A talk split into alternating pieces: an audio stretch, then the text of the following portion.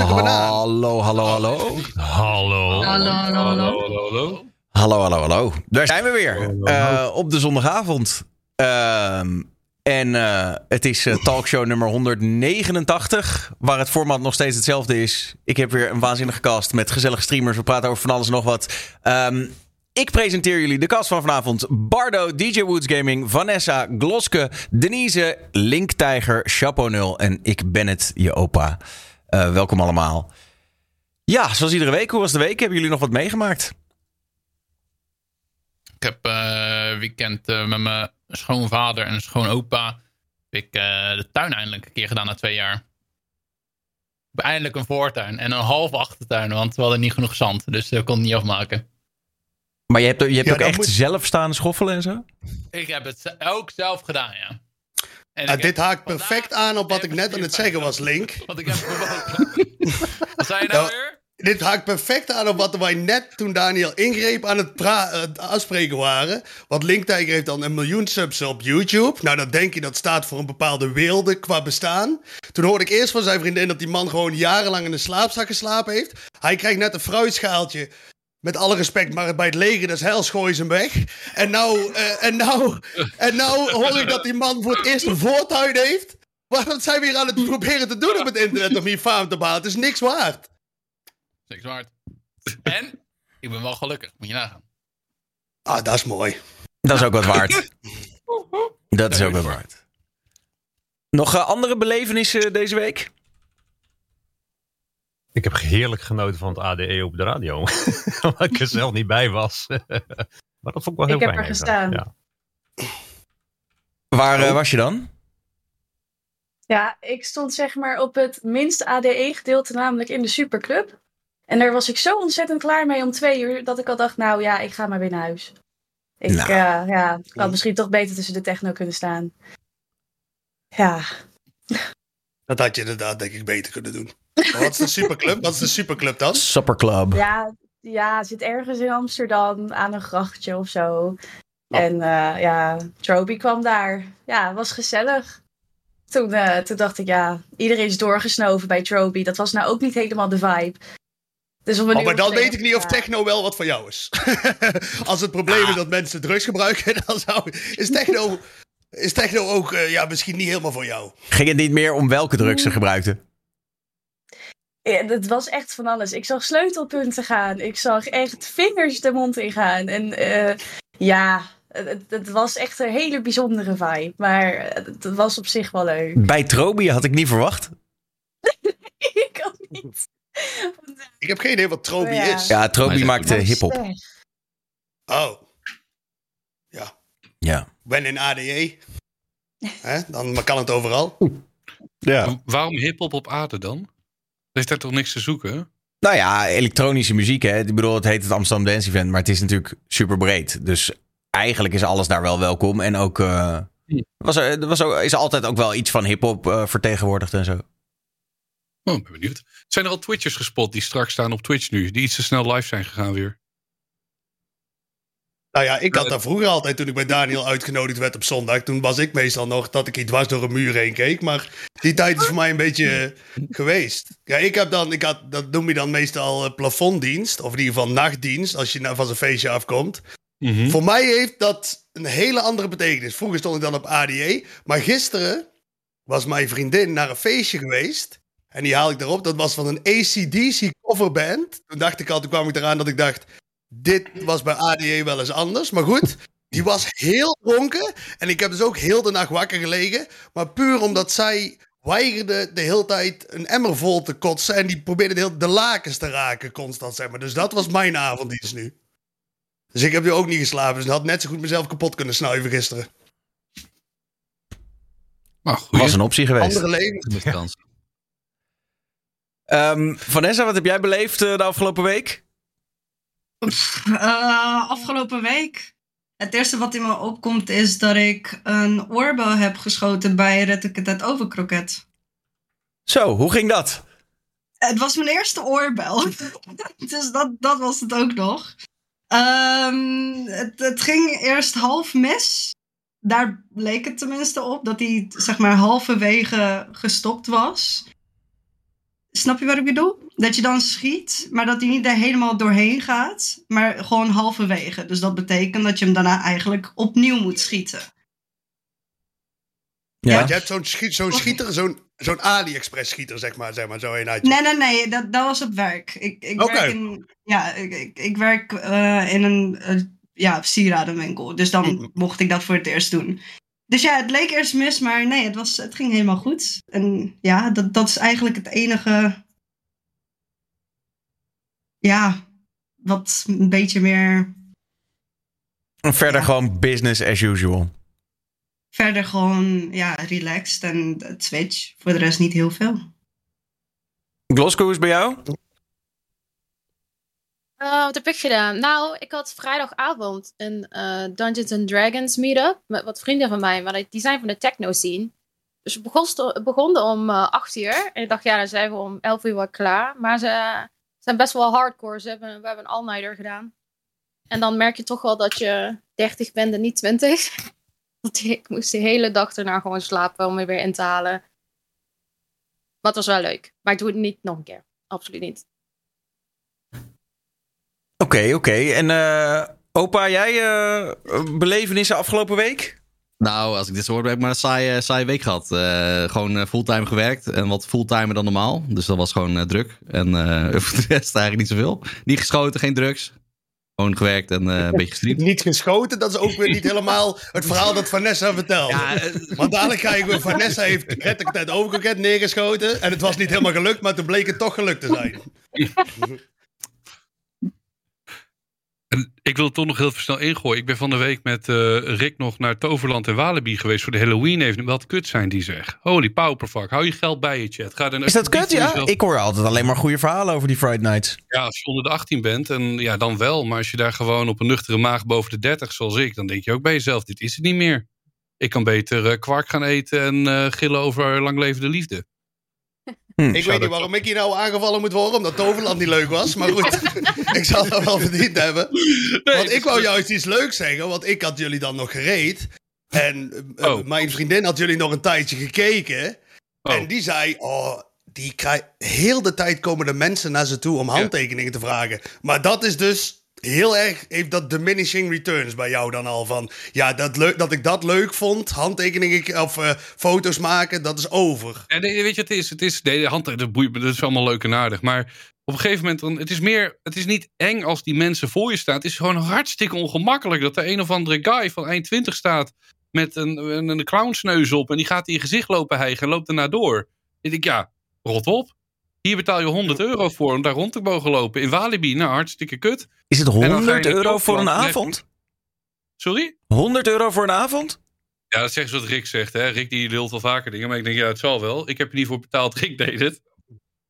Daar, daar, daar, daar ga ik ook mee. En Toverland die had gewoon vier, vijf hoekjes. Waar dan drie verwarde mensen uit de GGZ staan. In dit geval ook weer met een, eh, iets uit de feestwinkel op. En dan denk je, nou leuk, rookeffecten. En dat was gewoon treurig. Het was, het is, ja, sorry hoor, 50 euro pp zeggen ze. Oké. Nou, in kruidvat heb je voor 30 euro. Maar... En ik heb maar, dat- maar dan moet ik wel. Kijk, je hebt het over Toverland. En jij zegt dan, jij als man boven de 30 klaagt over Toverland. Dat is net dan dat ik bijvoorbeeld naar Ajax ga en dat ik naar vak 14, dat ik daar in dat vak ga staan en ik zeg. eh, er waren niet echt constructieve gesprekken over het Israël-Palestina-conflict hier. Snap je? wel- Want het is niet voor Nee, jou. Overland is mij verkocht als een park wat daadwerkelijk ook voor ouderen is. Net als Europa Park. Ja, de, de ouderen in de geriatrie, zeg maar. Niet gewoon voor ouderen. Dat ga je heen als je tot 12 bent en na 75. Dat is toch niet voor. Nou ja, Toch? ik- ik- nou ja, het schijnt daar een of andere achtbaan te zijn die boven de G-krachten stijgt. Ze vertelde Rick me allemaal. Hè? Ik, ik boeit mij wat. En dat je daar dus schijnbaar knock-out kan gaan of zo. Een achtbaan die ze hebben in Toverland en eh, zoiets. Dat ik dacht, nou hartstikke leuk. Nooit meer weer heen gaan. Kutpark. Is er niet Ja. een euthanasiecoaster dan alvast voor die oude mensen? Dat, Oh, die hebben, dat ze die er al neer hebben gezet. Me, ik had heel graag dat riempje losgemaakt en gezegd: het is goed zo, ik hoef niet naar huis te rijden. Je zegt: eh gaan we langs bij kopen en touw, ik vind het mooi. Jij zegt, alles kan een euthanasiecoaster zijn als je het maar hard genoeg wilt. Als je het hard genoeg wil, dan kan het alles gebeuren. Niet normaal. En, en daarnaast eh, afgelopen week aan eh, de studio geknutseld. Zo Daniel, beste productie. Hit me up voor de DSA. Let's go. Ik heb een vriendje meegenomen vandaag. Kijk voor jou, Daniel. Hup. Zo, dat is mijn eh, foto uit mijn 3FM-tijd, is dat. Ik vind het wel sexy. Ja, Mijn, eh, kon er wel ik mee dacht door. meer dat het was zeg maar de Bristol collectie van 2002 door Daniel Lippers. Zeg maar, zo, zo zag die foto van mij er een beetje uit. Dankjewel, dankjewel. Dit is God Ja, voor nee, mij. Dit is eh, een- ik, eh, ik waardeer het, eh, Bardo. Eh, Geen universiteit, toch een streamdokter. Shout-out naar jou. Goed. Eh, ja, en nee, oh, ja, ik, ik heb zelf ben ik natuurlijk eh, zwaar in touw geweest met het ADE. eh, want met Slam stonden we daar eh, uit te zenden. En ik heb eh, bijna iedere dag uitzending gemaakt. Ik heb eh, drie feestjes goed gepakt. En één uitzending gemist. Ehm, want eh, het was wel echt goed uit de hand gelopen. En ik was ehm, vanochtend nog op een after tot een uur of twaalf. Ehm, ja, het was een, een goed eh, ADE. Wel, was wel leuk. Ik was gisteren bij Revealed Label Night geweest met Hardwell en zo. En dat was wel heel gezellig. Maar het, was wel een, eh, het is wel een aanslag. En ehm, wat Glosko ook zei, ja, je merkt wel dat je niet meer eh 25 bent. Maar eh, ja, eh, het is één week in het jaar. Je moet. Ja, Nou ja, wel netjes. Ik, kan, ik stel er helemaal voor dat jij dan wel toch naar zo'n uitzending gaat bij Slam FM, maar meer zo'n reguliere uitzending. En dat jij dan nog een, de half eraf ligt en dat je dan zegt dat, dat ze willen dat er Adele wordt gedraaid. En zegt, ach Adele, fuck Adele, Diane of zet eens iets harder op eventjes even erbij. Van Adele, dat doen we volgende week wel weer. Ja, nou ja, goed. Ik, eh, uiteindelijk, de, de- wat veel mensen denken is dat wij ook echt naar alle eh, muziek moeten luisteren. Maar dat valt allemaal wel mee natuurlijk. Dus je kan, als je echt iets heel Oh. kut vindt, dan kan je natuurlijk gewoon eh, stiekem naar iets anders Zelf, luisteren. zelf oortjes in doen. Ja, zit je gewoon iets anders te luisteren. Ehm, ja, nee, maar goed, ik vond het, ik vond het leuk. Het was wel, maar het was wel echt een, een pittige. Maar ook wel, ja, ik weet niet. Ik heb wel genoten in ieder geval. Ik, ik kom er zo nog even op terug, want het is eh, ook volop in het nieuws geweest. Oh, ik wil wel één ding zeggen nog trouwens. Want ik zag mensen ook in de chat van ja, 12 uur 's middags. Ehm, ja. En ik was wel echt verbaasd over dat, zeg maar. Wij waren op een gegeven moment met een groep om 7 uur ochtends door de stad aan het struinen op zoek naar feest.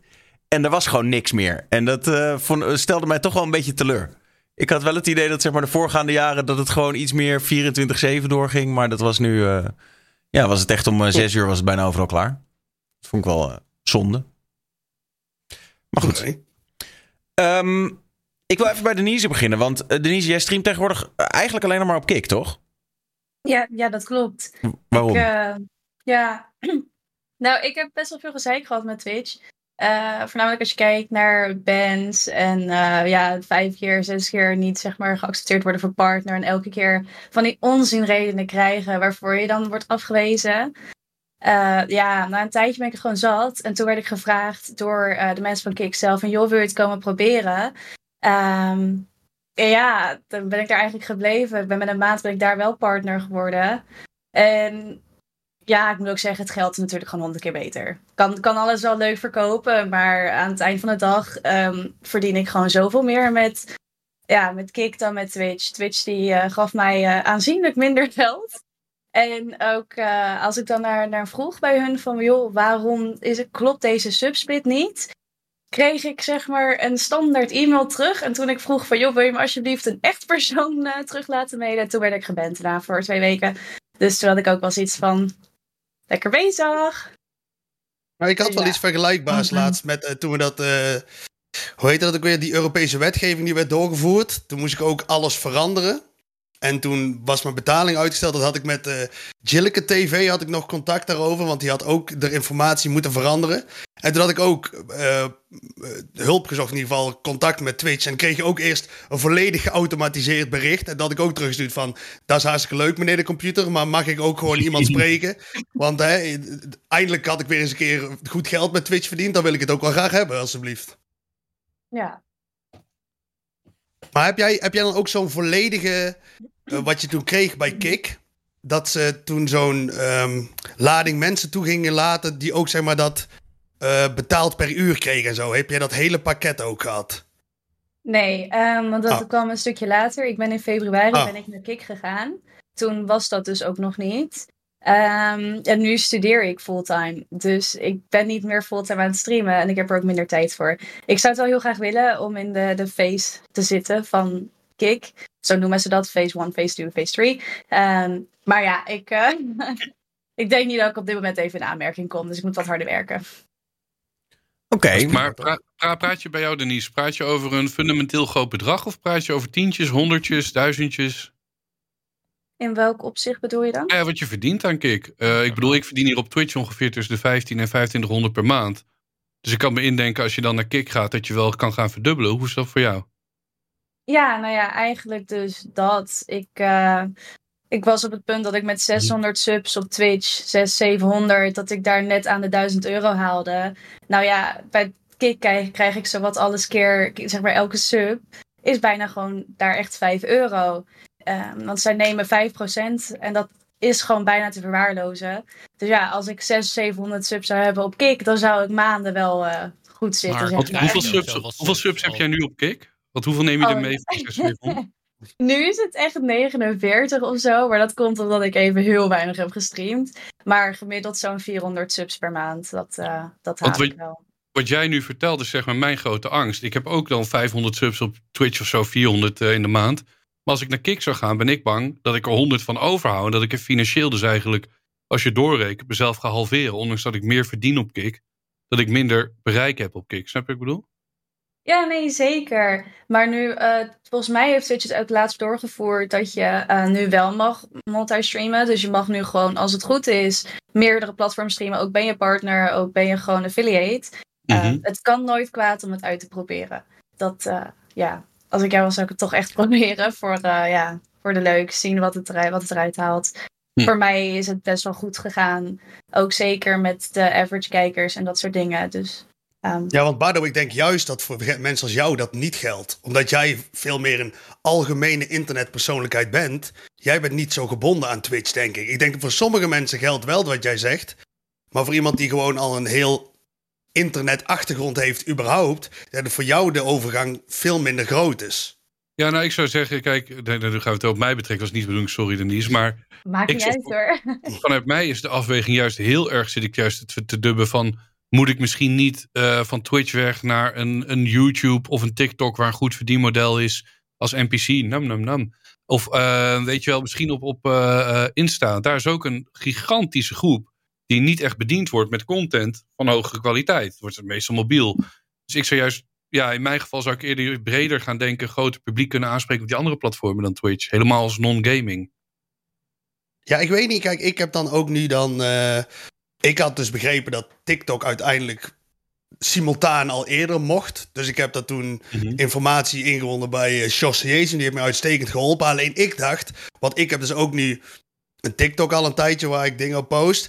Daar, ehm, eh, dat doet iemand dan voor mij. Maar daar, TikTok is heel kwetsbaar, zeg maar. Als je, Ja. als je penis zegt in een video, dan, ja, dan ben je al eh, nat, zeg maar. Hè? Dat, dat, dat, dat kan al niet. Dus ik zei al toen tegen Jos van, luister, kan ik dan niet beter daar muted streamen en dan als het een soort doorgeefluik naar mijn Twitch hebben? Nee joh, nee joh, dat kan allemaal wel. Want ik zie mensen van alles zeggen. Nou, ik heb het een half uur volgehouden op TikTok. En dan word je de, de, toen werd ik wel offline gehaald. Dus ik weet niet wat jouw penis per uur is ongeveer eh, op, op Twitch. Maar TikTok, eh, dat wordt anders Nou, dan wel een probleem. Ik zou je zeggen, ze zit hier ook in de af- uitzending. Ik was laatst met Oh, nee. Vanessa op mijn TikTok live. En eh, die noemde Dennis Schouten. Die zei, ja, nee, ik val niet op lesbiennes, dus ik heb er niks mee. En een seconde later waren we verbannen van eh, TikTok voor een goede Precies. week. Ik ah ja, Dennis Schouten geen lesbienne noemen. Hier op Twitch mag dat wel. Je mag hem alles noemen. Lesbienne, pot, klootzak. Ik heb hem laatst bij jou een pedofiel genoemd. En dan, dat viel ook goed. Dat is goede content. Mag je hier doen. We kunnen Dennis Schouten Oh, nazi noemen. Dan was het, dan was dat, dan weet ik niet wat ik net heb gedaan. Of kik, daar kom ik aan. Eén van deze twee. nee, maar ik moet wel zeggen, want in de streams die ik deed voor TikTok, eh, dat was gewoon even een uurtje live of zo. Dan pakte ik wel 40, 50 euro aan al die klote roosjes en wat dan ook. Dat ik dacht, ja, als je dit 30 dagen doet, 40, 50 euro, dus 1500 euro. Sponsordeeltje erbij aan wat content op de TikTok zelf. Nou, dan kan je toch toewerken naar een leuke 4, 5k in de maand, zeg maar. Maar ik denk dat het toch wel een beetje, dat ligt ook aan jou, toch? Ik bedoel, jij hebt gewoon eh, jouw ding, eh zorgt ervoor dat jij een hele hechte community hebt die bereid zijn om jou wat te geven. En ik, ik denk dat dat redelijk platform onafhankelijk is. Ja, maar het is ook weer zo. Ik denk ook dat mijn doelgroep danig versplinterd is. Ik heb jonge meiden via Onnedy, eh witte zolderkamerjongetjes via Rick natuurlijk, die nooit buiten komen. Eh, je hebt overal wel een groepje zitten, maar het is nergens samen te vinden op een platform. Dus dat is een beetje mijn voordeel en mijn nadeel in deze. Zoals bij Chapo het vrij gecentreerd is op, eh, nou ja, Twitch. Dat je gewoon weet duidelijk bij Chapo, het, eh, dat is best wel lekker als het geconcentreerd is op één plek. Ja, maar, heb je ook Ja, ja, ja, nou, maar ik zou- ja. op Twitch natuurlijk. Dus dan moet jij ook weer voor zorgen dat al die mensen naar Kik toe gaan. Of daar weer een nieuwe community op bouwen. Want True. ik denk niet dat iedereen die jou op Twitch kijkt ook op Kik zit. eh, om daar streams te kijken. Want ik zit zelf ook nooit op, dat, eh, op die website te checken of iets live is. Als ik livestreams wil checken, kijk ik ook gewoon op Twitch. Nee, maar als ik iemand zie tweeten dat hij live is op Kik, of ik zie een Insta-story dat iemand live is op Kik, ben ik toch sneller geneigd te klikken. Dan denk ik, wat gebeurt er nou? Ja, als ik Denise voorbij zou komen op Twitter, denk ik toch of op X. Hè, dan denk ik even klikken, wat doet Denise dan daar eh, op Kik? Ja, welke, wel... Op welke Ja. X-sites is Denise? Want dan moet ik misschien Nee. dadelijk ook nog... Wat? Iets met Nee. video's of zo, ik weet niet. Wat is er nu? Nee. Nee, goed. Oh. Nee, maar ik denk dus juist jij, dat jij erg heel erg Twitch overschat. Als ik nu wat. Ik heb dan nou een paar maanden TikTok. Nou, vroeger. Nou, kijk, ik. Wat ik net wilde zeggen tegen Bardo, tegen jou. Die handtekeningen en foto's. Nou, daar doe ik het dus voor. Want ik zou dan verwijderd worden uit Toverland. Omdat ze zeggen: meneer, u mag, moet zo hoog zijn om zo langzaam in deze, erectie, eh, in deze attractie te mogen. En uw erectie moet minder groot zijn dan dit. Want ik zou constant met een stijve penis rondlopen als mensen constant met mij op de foto willen. En dat is in Toverland natuurlijk een probleem. Maar ik heb dus gemerkt, TikTok, dat is zo... Kijk, en ik ben natuurlijk alleen op Twitch, dus ik, ik was nergens als bekend, zeg maar. Maar dat is zoveel groter dan dat Twitch ooit is. En ik heb nou het idee, als ik nu de hele tijd op TikTok zou propageren dat ik naar Kik ga, dat ik, eh, dan zou er natuurlijk zou er een, een, een- verlies zijn. Maar ik denk nu wel, als je zegt, wat Denise zegt, met de subsplit, dat je op inkomen, dat je niet eh, een gigantisch verlies hebt. Je, alleen wat je op Twitch hebt, is gewoon veel meer groeipotentieel uiteindelijk. Zo zal ik het nu nog zeggen.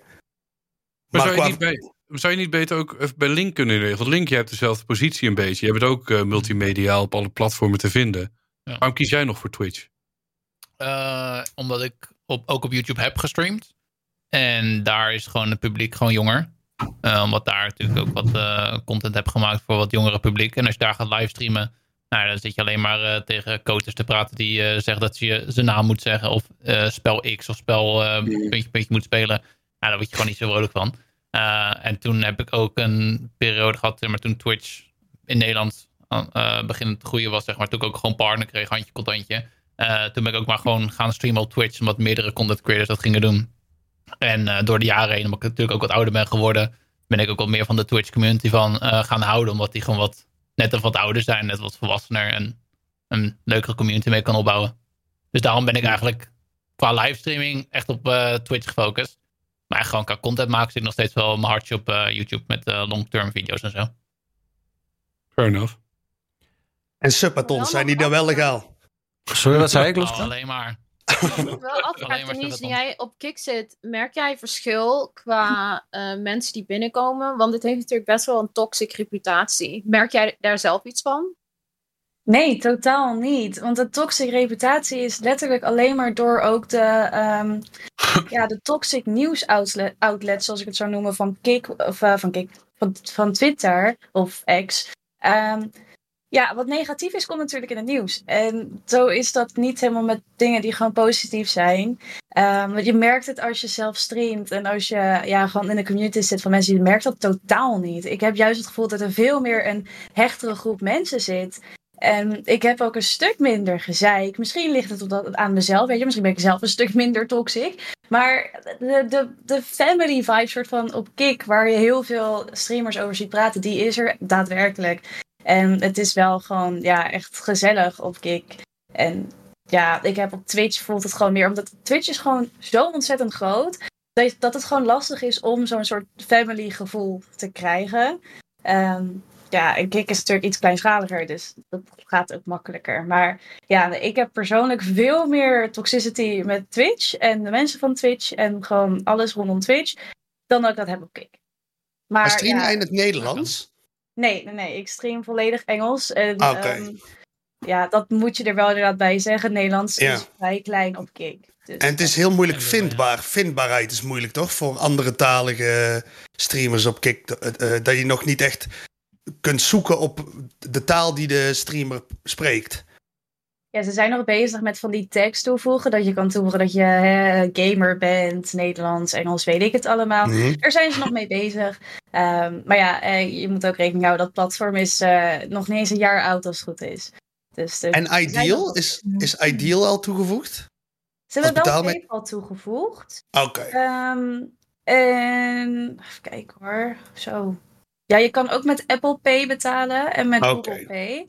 Ehm, maar ja, er was wel een probleem met Google Pay laatst en Apple Pay. Dus ik weet niet of ze het weer terug hebben gezet. Maar ja, dat, Ik kan me dat inderdaad nog herinneren, mij toen dat nog niet op Twitch kon. Toen was het ook zeg maar dat ik op, op YouTube ging streamen en dan werd ook gezegd van ja, je kan op Twitch, dan heb je subs en zo. Toen kon je ook nog niet met Ideal betalen, echt gewoon een aantal jaren geleden. En ik weet nog de allereerste moment dat je dat wel kon doen, zeg maar gewoon met Ideal een subje kon betalen op Twitch. Dat was echt eh game breaking voor de Nederlandstalige streamers toen. Dachten we eindelijk van yes, we kunnen daadwerkelijk geld verdienen nu, want mensen kunnen betalen. Want echt gewoon, ik denk 10% van de mensen had maar PayPal. En iedereen had gewoon Ideal. Ja, dat scheelde Oké. waarschijnlijk wel echt een Ik hoop. denk de dag er nu nog steeds eh, heel veel mensen geen PayPal hebben. Maar merkte je ook het verschil dan toen Ideal kwam? Voor een voor drie, vier, vijfdubbeling, eh voudiging? Ja, nee, met dat, op het moment dat mensen zeg maar eh, wilden een subje bijvoorbeeld wilden nemen of gewoon iets qua Twitch interactie, dan konden ze het daadwerkelijk doen. Je merkte wel echt dat het omhoog ging bij iedereen, bij elke streamer toen. Vooral in Nederland. Dat was echt een eh, verdubbeling eh, keer drie was of zo. Minimaal. Ja, ik denk dat ze dat uiteindelijk heel graag willen natuurlijk. Ideal eh, ook op Kick toevoegen. Maar ehm, ja, het is Ja, natuurlijk... op, op YouTube heb je natuurlijk ook dat je lidmaatschap kan doen. Maar ik weet niet of dat al ook al via Ideal is. Dat was vroeger nog niet.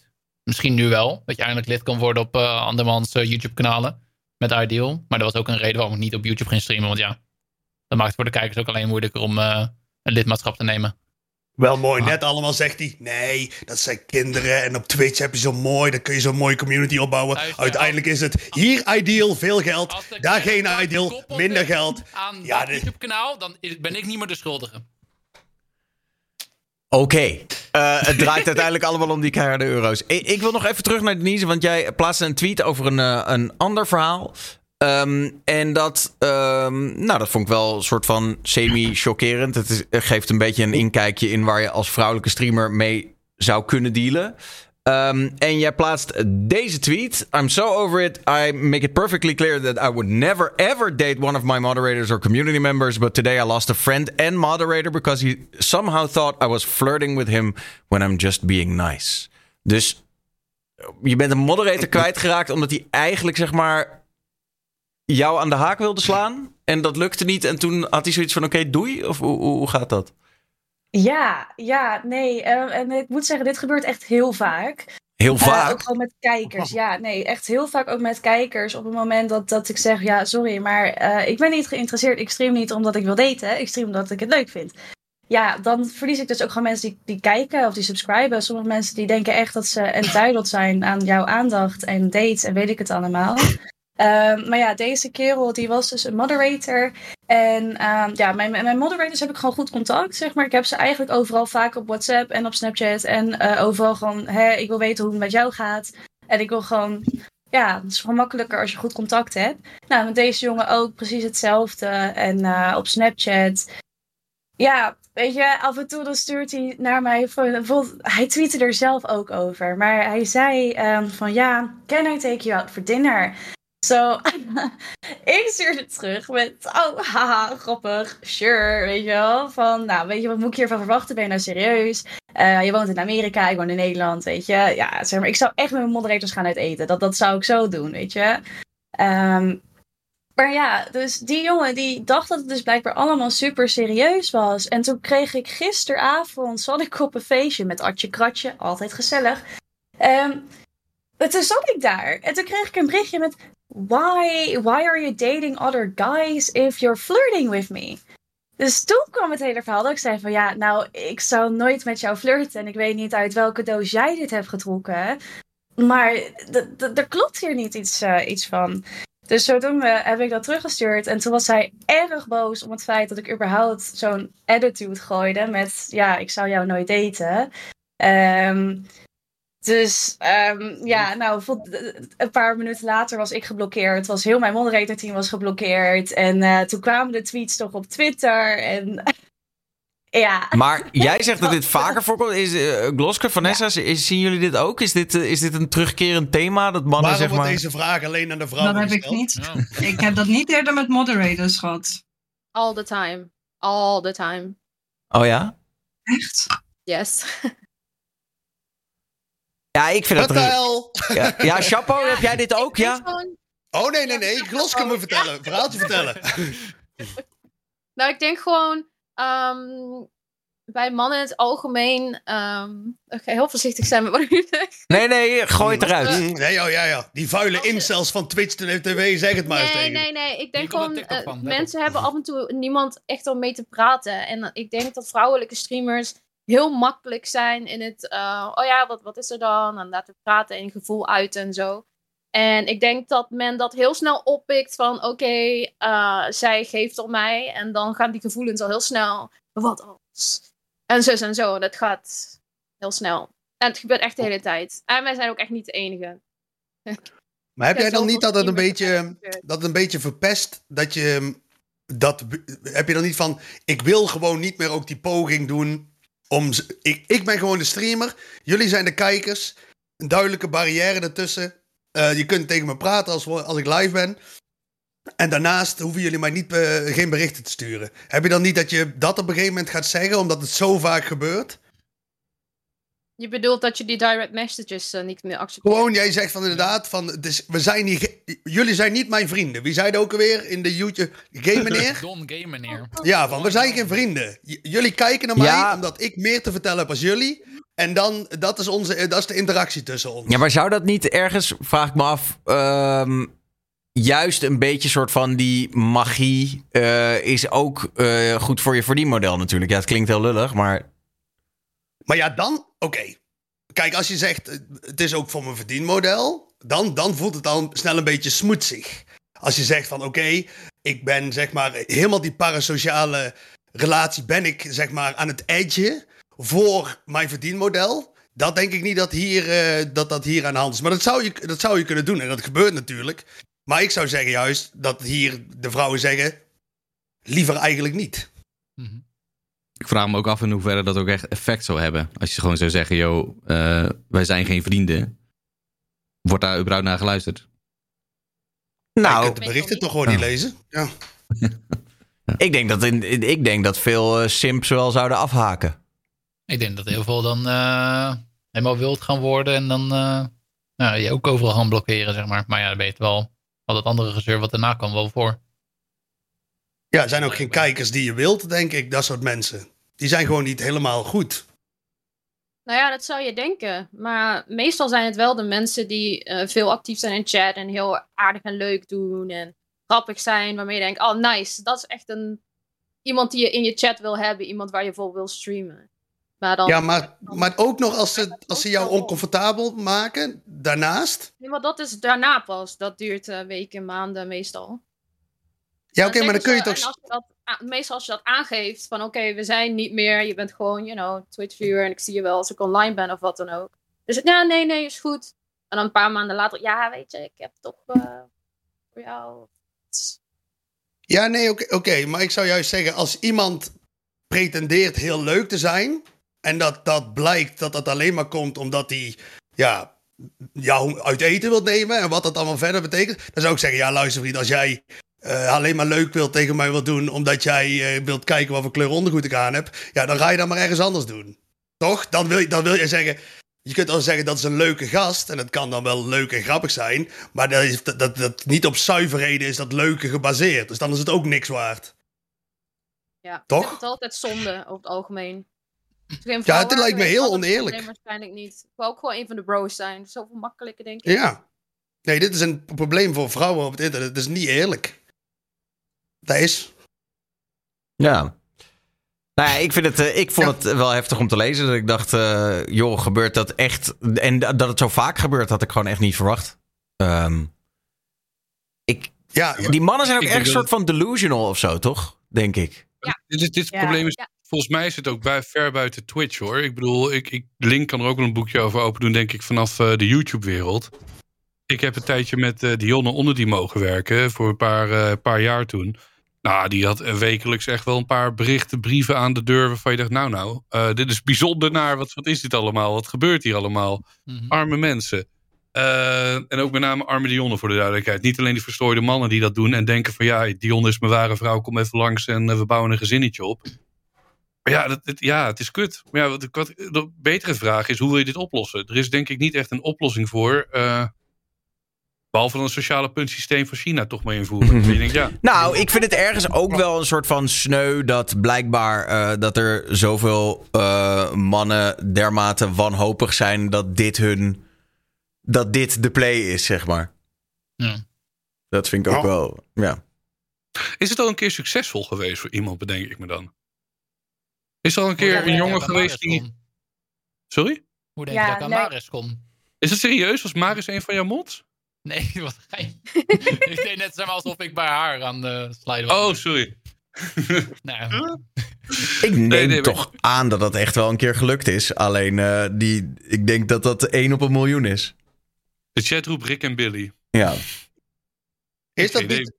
Het is ook wel een beetje, dat is wel hier aan, het- net als mm, het ding met stalkers, zeg maar. Ik heb altijd zo'n theorie over stalkers, dat er zijn geen aantrekkelijke stalkers, snap je? Je hebt zeg maar, als een man zeg maar jou op een benzinestation volgt, vanaf een benzinestation volgt hij, volgt volgt jouw auto naar huis. En die man is heel aantrekkelijk en een beetje galant ook nog. En die zegt, sorry Gloske, Denise en Vanessa, maar ik zag jouw verschijning bij het eh, benzinestation net. En ik dacht, ik kan mezelf morgen niet in de spiegel aankijken als ik deze vrouw nooit meer zie. Dus ik ben uit een soort wanhoopspoging, ben ik achter jou aangereden. Mag ik alsjeblieft eh, jouw nummer of mag ik een keer mee uit eten nemen? Dat ik iets in ieder dat ik je nog één keer kan zien. Als dat een aantrekkelijke man is, en die is wat galant en zo... Dan zijn vrouwen, nou, dan bellen vrouwen. De eerste telefoontje. Ja, het zou alsnog creepy zijn. Ja, ja, ja, maar ik heb het over een hele aantrekkelijke man in maar deze. het hè? klinkt alsof jij zeg maar, een scène van Ja, maar een dat- film beschrijft nu. Dat gewoon bestaat, weet je wel? Maar zeg maar. Ja, nee, dat kan je toch niet maken? Dat is toch common sense? Mag je zo knap zijn? Mag je Brad Pitt zijn? Je gaat er niet achter iemand aanrijden. Ja, ik heb het wel. Ja, oké, dan valt mijn theorie hier helemaal uiteen. Ja, dan ga ik hem ook niet afmaken ook. Dan zijn ook aantrekkelijke mensen wel een stalker. Nou goed, dan gooi ik deze theorie weg. Ja. Ja. Ja, want ik dacht dan dat het was dat je het eerste telefoontje dat je dan pleegt is naar een vriendin en die zegt, oh, wat mij toch meemaakt, dan staat hier net een prachtige man en die zegt dan tegen mij, oh, ik, ik, ik, ik, kon het, ik kon mezelf niet vergeven als ik jou nooit meer zou zien. En die heb ik mijn nummer gegeven. En dan zegt die vriendin wel waarschijnlijk van... Nee, dat meen je niet. Dat is toch een, dat is toch een gek die jou zo achterna rijdt. Maar ik heb het idee als die man onaantrekkelijk is... dat is het eerste telefoontje dat je pleegt... is naar de politie. En zegt, er staat hier een verdwaalde man voor mijn huis. Maar dat gaat blijkbaar niet op, die theorie. Maar Dus het, het, Stok- het Stockholm-syndroom is ook niet voor niks verzonnen. Hè? Dus het zal bestaan. Ja, Maar dit, dit doet mij ook een beetje denken aan dat verhaal van. eh, van ehm, eh, dat de, je, je hebt die, die, het bekende boek Fifty Shades of Grey, waar het natuurlijk gaat over een rijke man en die heeft een, BDSM-kelder en zo. En al die vrouwen vinden dat helemaal eh, waanzinnig. Alleen, eh, dat is ook natuurlijk gewoon omdat hij rijk en succesvol is. Want wa- was hij zeg maar gewoon een zwerver geweest, dan was het in één keer heel creepy en eng. Ja, het is toch een beetje de set en de setting, denk ik. volgens Sloske is dat niet waar. Het maakt niet uit of je iemand in je tuinbroek afslaat... of in je Versace pak. Het zijn allemaal engels. Banger van een boek wel, Daniel. Goeie Oh, gesprek. Echt Heb je het echt gelezen? Ik heb hem gelezen. Ik weet er alles van. Dit is prachtig. Alleen de derde film, 50 tinten donkerder, of, eh vond ik niks. Maar voor de rest met de meiden. We gaan binnenkort ook een meidenavondje doen met de nieuwe Magic Mike film. Ik heb er zin in. Dus nee, banger. Oprecht. Kunnen we dan ook Die smaakt 365 dagen toevoegen? Die heb ik ook helemaal doorgelezen, alles gekeken. Meid. Heerlijk. Vertel me erover, meid. Het is niet normaal. Mm. Nou, Volgende week zondag Girls Night bij Daniel. Hm? jij gaat er mee het eten nemen, hoor ik. Let's go, word ik mot en al. Nee. Maar ik heb dat dus wel eens, wel eens een keer gelezen en dan kunnen we verder. Dat vrouwen, en jullie hoeven geen antwoord te geven, dat vrouwen meer met erotische literatuur hebben dan met erotisch beeldmateriaal. Is dat zo of is dat niet zo? Volgens mij is daar wel wordt- ooit onderzoek er naar wordt- gedaan. Ja, Dan mogen de mannen ook antwoord geven als ze willen. Ik weet alleen het ene bekende onderzoek van Pornhub, eh, wat ik altijd met Serpent aanhaal in elke mogelijkheid die we hebben, is dat eh, vrouwen gek genoeg kijken bij porno meer naar de piemel en de kut die erin gaan. En eh, mannen kijken meer naar de ogen altijd bij porno. Grotendeels. Want dat mannen zich willen indenken wat de impact is als hun die vrouw penetreren. En vrouwen die kijken dan meer schijnbaar naar de dingen die ze niet kunnen zien zelf tijdens de seks. Zo, zo zei het onderzoek het. Dus, Ja. Hm. Interessant. dus dat. Oké. Ja, terug naar de vraag. Ja, nee, ja, god, ik- we waren een beetje afgedwaald, hè. Ehm, ik, eh, we hebben hier een tijdje geleden hadden we het over dat eh poepincident aan boord van een, eh, een vlucht in Amerika. Eh, en eh, nou, dat is nog maar een paar weken geleden en eh, het is weer gebeurd. Dit keer bij een Wat? EasyJet vlucht. eh, waar iemand ehm, ja, besloten had om op de grond te kakken. Eh, en op een gegeven moment kwam er dus ook een announcement van de piloot. rather entertaining to defecate in the front toilet. So we're now staying the night here. We're now going to get everyone off and you're going to spend ages talking about hotels and then we'll fly back tomorrow morning. So we're fleeing on the plane so you get the buses and then we... Ja, dus de boodschap van de captain is: ja, we moeten helaas eh, de, allemaal het vliegtuig verlaten. We blijven hier de hele nacht, want eh, iemand heeft op de grond gepoept. Was het dat is dezelfde wel een- persoon? Oh, dat zou vet zijn. serial shitter. Ja, maar ik moet wel zeggen, als je met EasyJet vliegt, dan, dan geef je op dat je mag klagen over dat er op de grond gescheten wordt. Dat is net als dat Bardo klaagt dat er bij Toverland kinderen zijn. Want ja, dan moet je verwachten, dan moet je verwachten aan ervaring bij EasyJet. Of dat je bij Aldi zegt, hé, hey, dit rundvlees is van paard. Ja, nee, natuurlijk. Je, je haalt rundvlees bij de Aldi. Dat hoort erbij. Ik vlieg over 16 dagen met EasyJet. Dit klinkt niet positief. Ik zou zeggen, neem een luier mee voordat ze... de- Voordat de- Nou ja, mijn ervaring met EasyJet zijn over het algemeen best positief. Ja, ik bedoel, eh, ik heb Ja, alleen op en neer naar Londen gevlogen. Dat is natuurlijk super kort, maar dat, eh, dat is over het algemeen prima te doen. In tegenstelling maar- tot een Ryanair. Ryanair, dat, Ryanair dan, moet je, dan moet je blij zijn dat er niet op je stoel gescheten is als je, als je, als je het, het vliegtuig binnenkomt. Ja, volgens mij hadden die laatste ook een incident dat iemand had een stoel ondergekotst. En toen vroeg die passagier van, ja, maar eh, dit is mijn stoel, maar die zit helemaal onder de kots. Kunnen jullie daar nog wat aan doen? En toen zei die, zei die, eh, eh, die purser, zei, nee, daar gaan wij niks aan doen. Dus eh, je hebt eigenlijk de keuze of je gaat erop zitten of eh, je gaat van boord. Ja, ik wil zeggen, voor die 12,50 euro die jij voor die stoel betaald hebt, gaan wij hem niet schoonmaken. Nee. Maar hoe krijg je het in je hoofd om zoiets te doen? Überhaupt. Was er meer informatie erover of was echt daadwerkelijk alleen de video? Nee, ja, de- eh, bedoel, nou, het is wel bevestigd door EasyJet en die vlucht is ook echt niet gegaan. En ehm, alleen, ze weten dus niet wie het is. En het, het, het was, eh, volgens mij was het zeg maar op de vloer, vlak voor of net in het toilethokje, heeft iemand gewoon echt een volledige unit neergelegd. Maar wat, wat is nou precies het scenario? Want dan legt er iemand een drol eh, op, de, op de vloer en dan mogen ze niet vertrekken? Of hoe, hoe zit dat dan? Nou ja, Dat zou ik echt zo'n handboek hebben van, hier hebben we, dit moet ergens staan. Drol op vloer, niet opstijgen. Ah shit. Ja, weet ik Nou, goed. Ja, volgens mij is het, is het protocol een beetje zo van... Ja, ik, eh, het ding is natuurlijk... Je, je hebt wel een vliegtuig met, eh, wat is het, 150 man erin.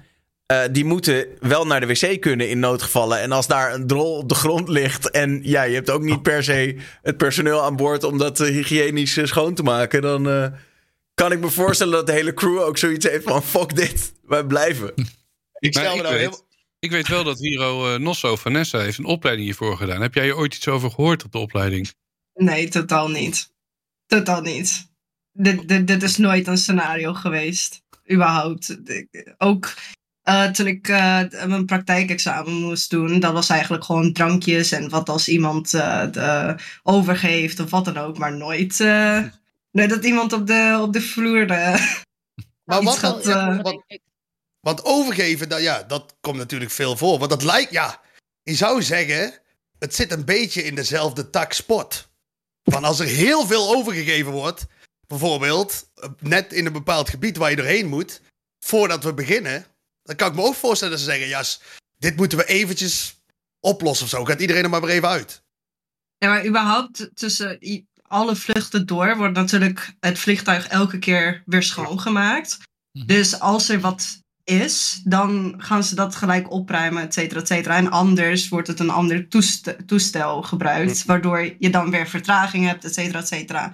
Maar dat dit dan gebeurt wanneer iedereen al in het vliegtuig is, dat is gewoon het gekke. Dat iedereen dan eigenlijk eruit moet. Ik vraag me ook af, hoe krijg je het voor elkaar? Een soort van ongezien, toch? Weet je, is, het, is dit... Ja.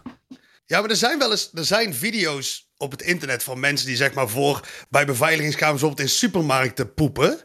En de- kijk, het, het, de vliegtuigkledij is wel optimaal om zeg maar dit te verbloemen. Want het zijn meestal mensen met losse kleren en die zie je dan echt zo hun broek zeg maar opzij doen. Zeg maar zo'n loose-fitting broek. En dan, dan valt het gewoon langs hun been naar beneden. Als hij, het ga- hij moet vast zijn. Laten we zo zeggen. Je kunt het risico niet nemen met ja, meer viscose poep, laten we het zo zeggen. Want dan, dan word je ook wel snel betrapt. Kijk, je weet dat het vaste poep was, omdat je anders best wel kan aanwijzen.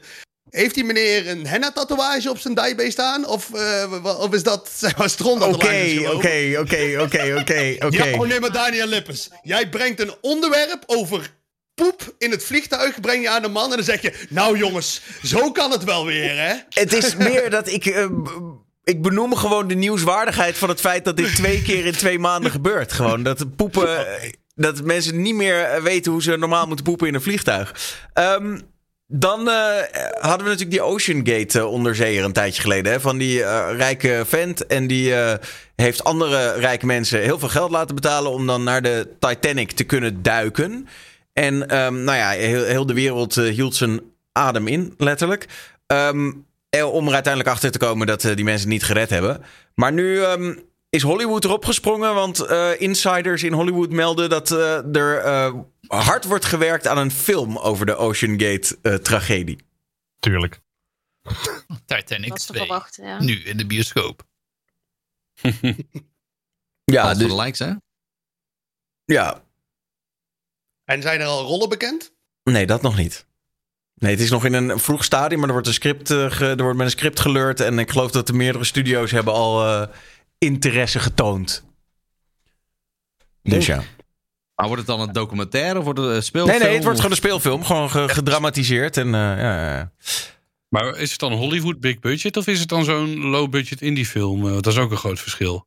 ja, nou, volgens mij is het echt een Hollywood film moet het worden. Dus er wordt wel eh, echt iets van gemaakt, ja.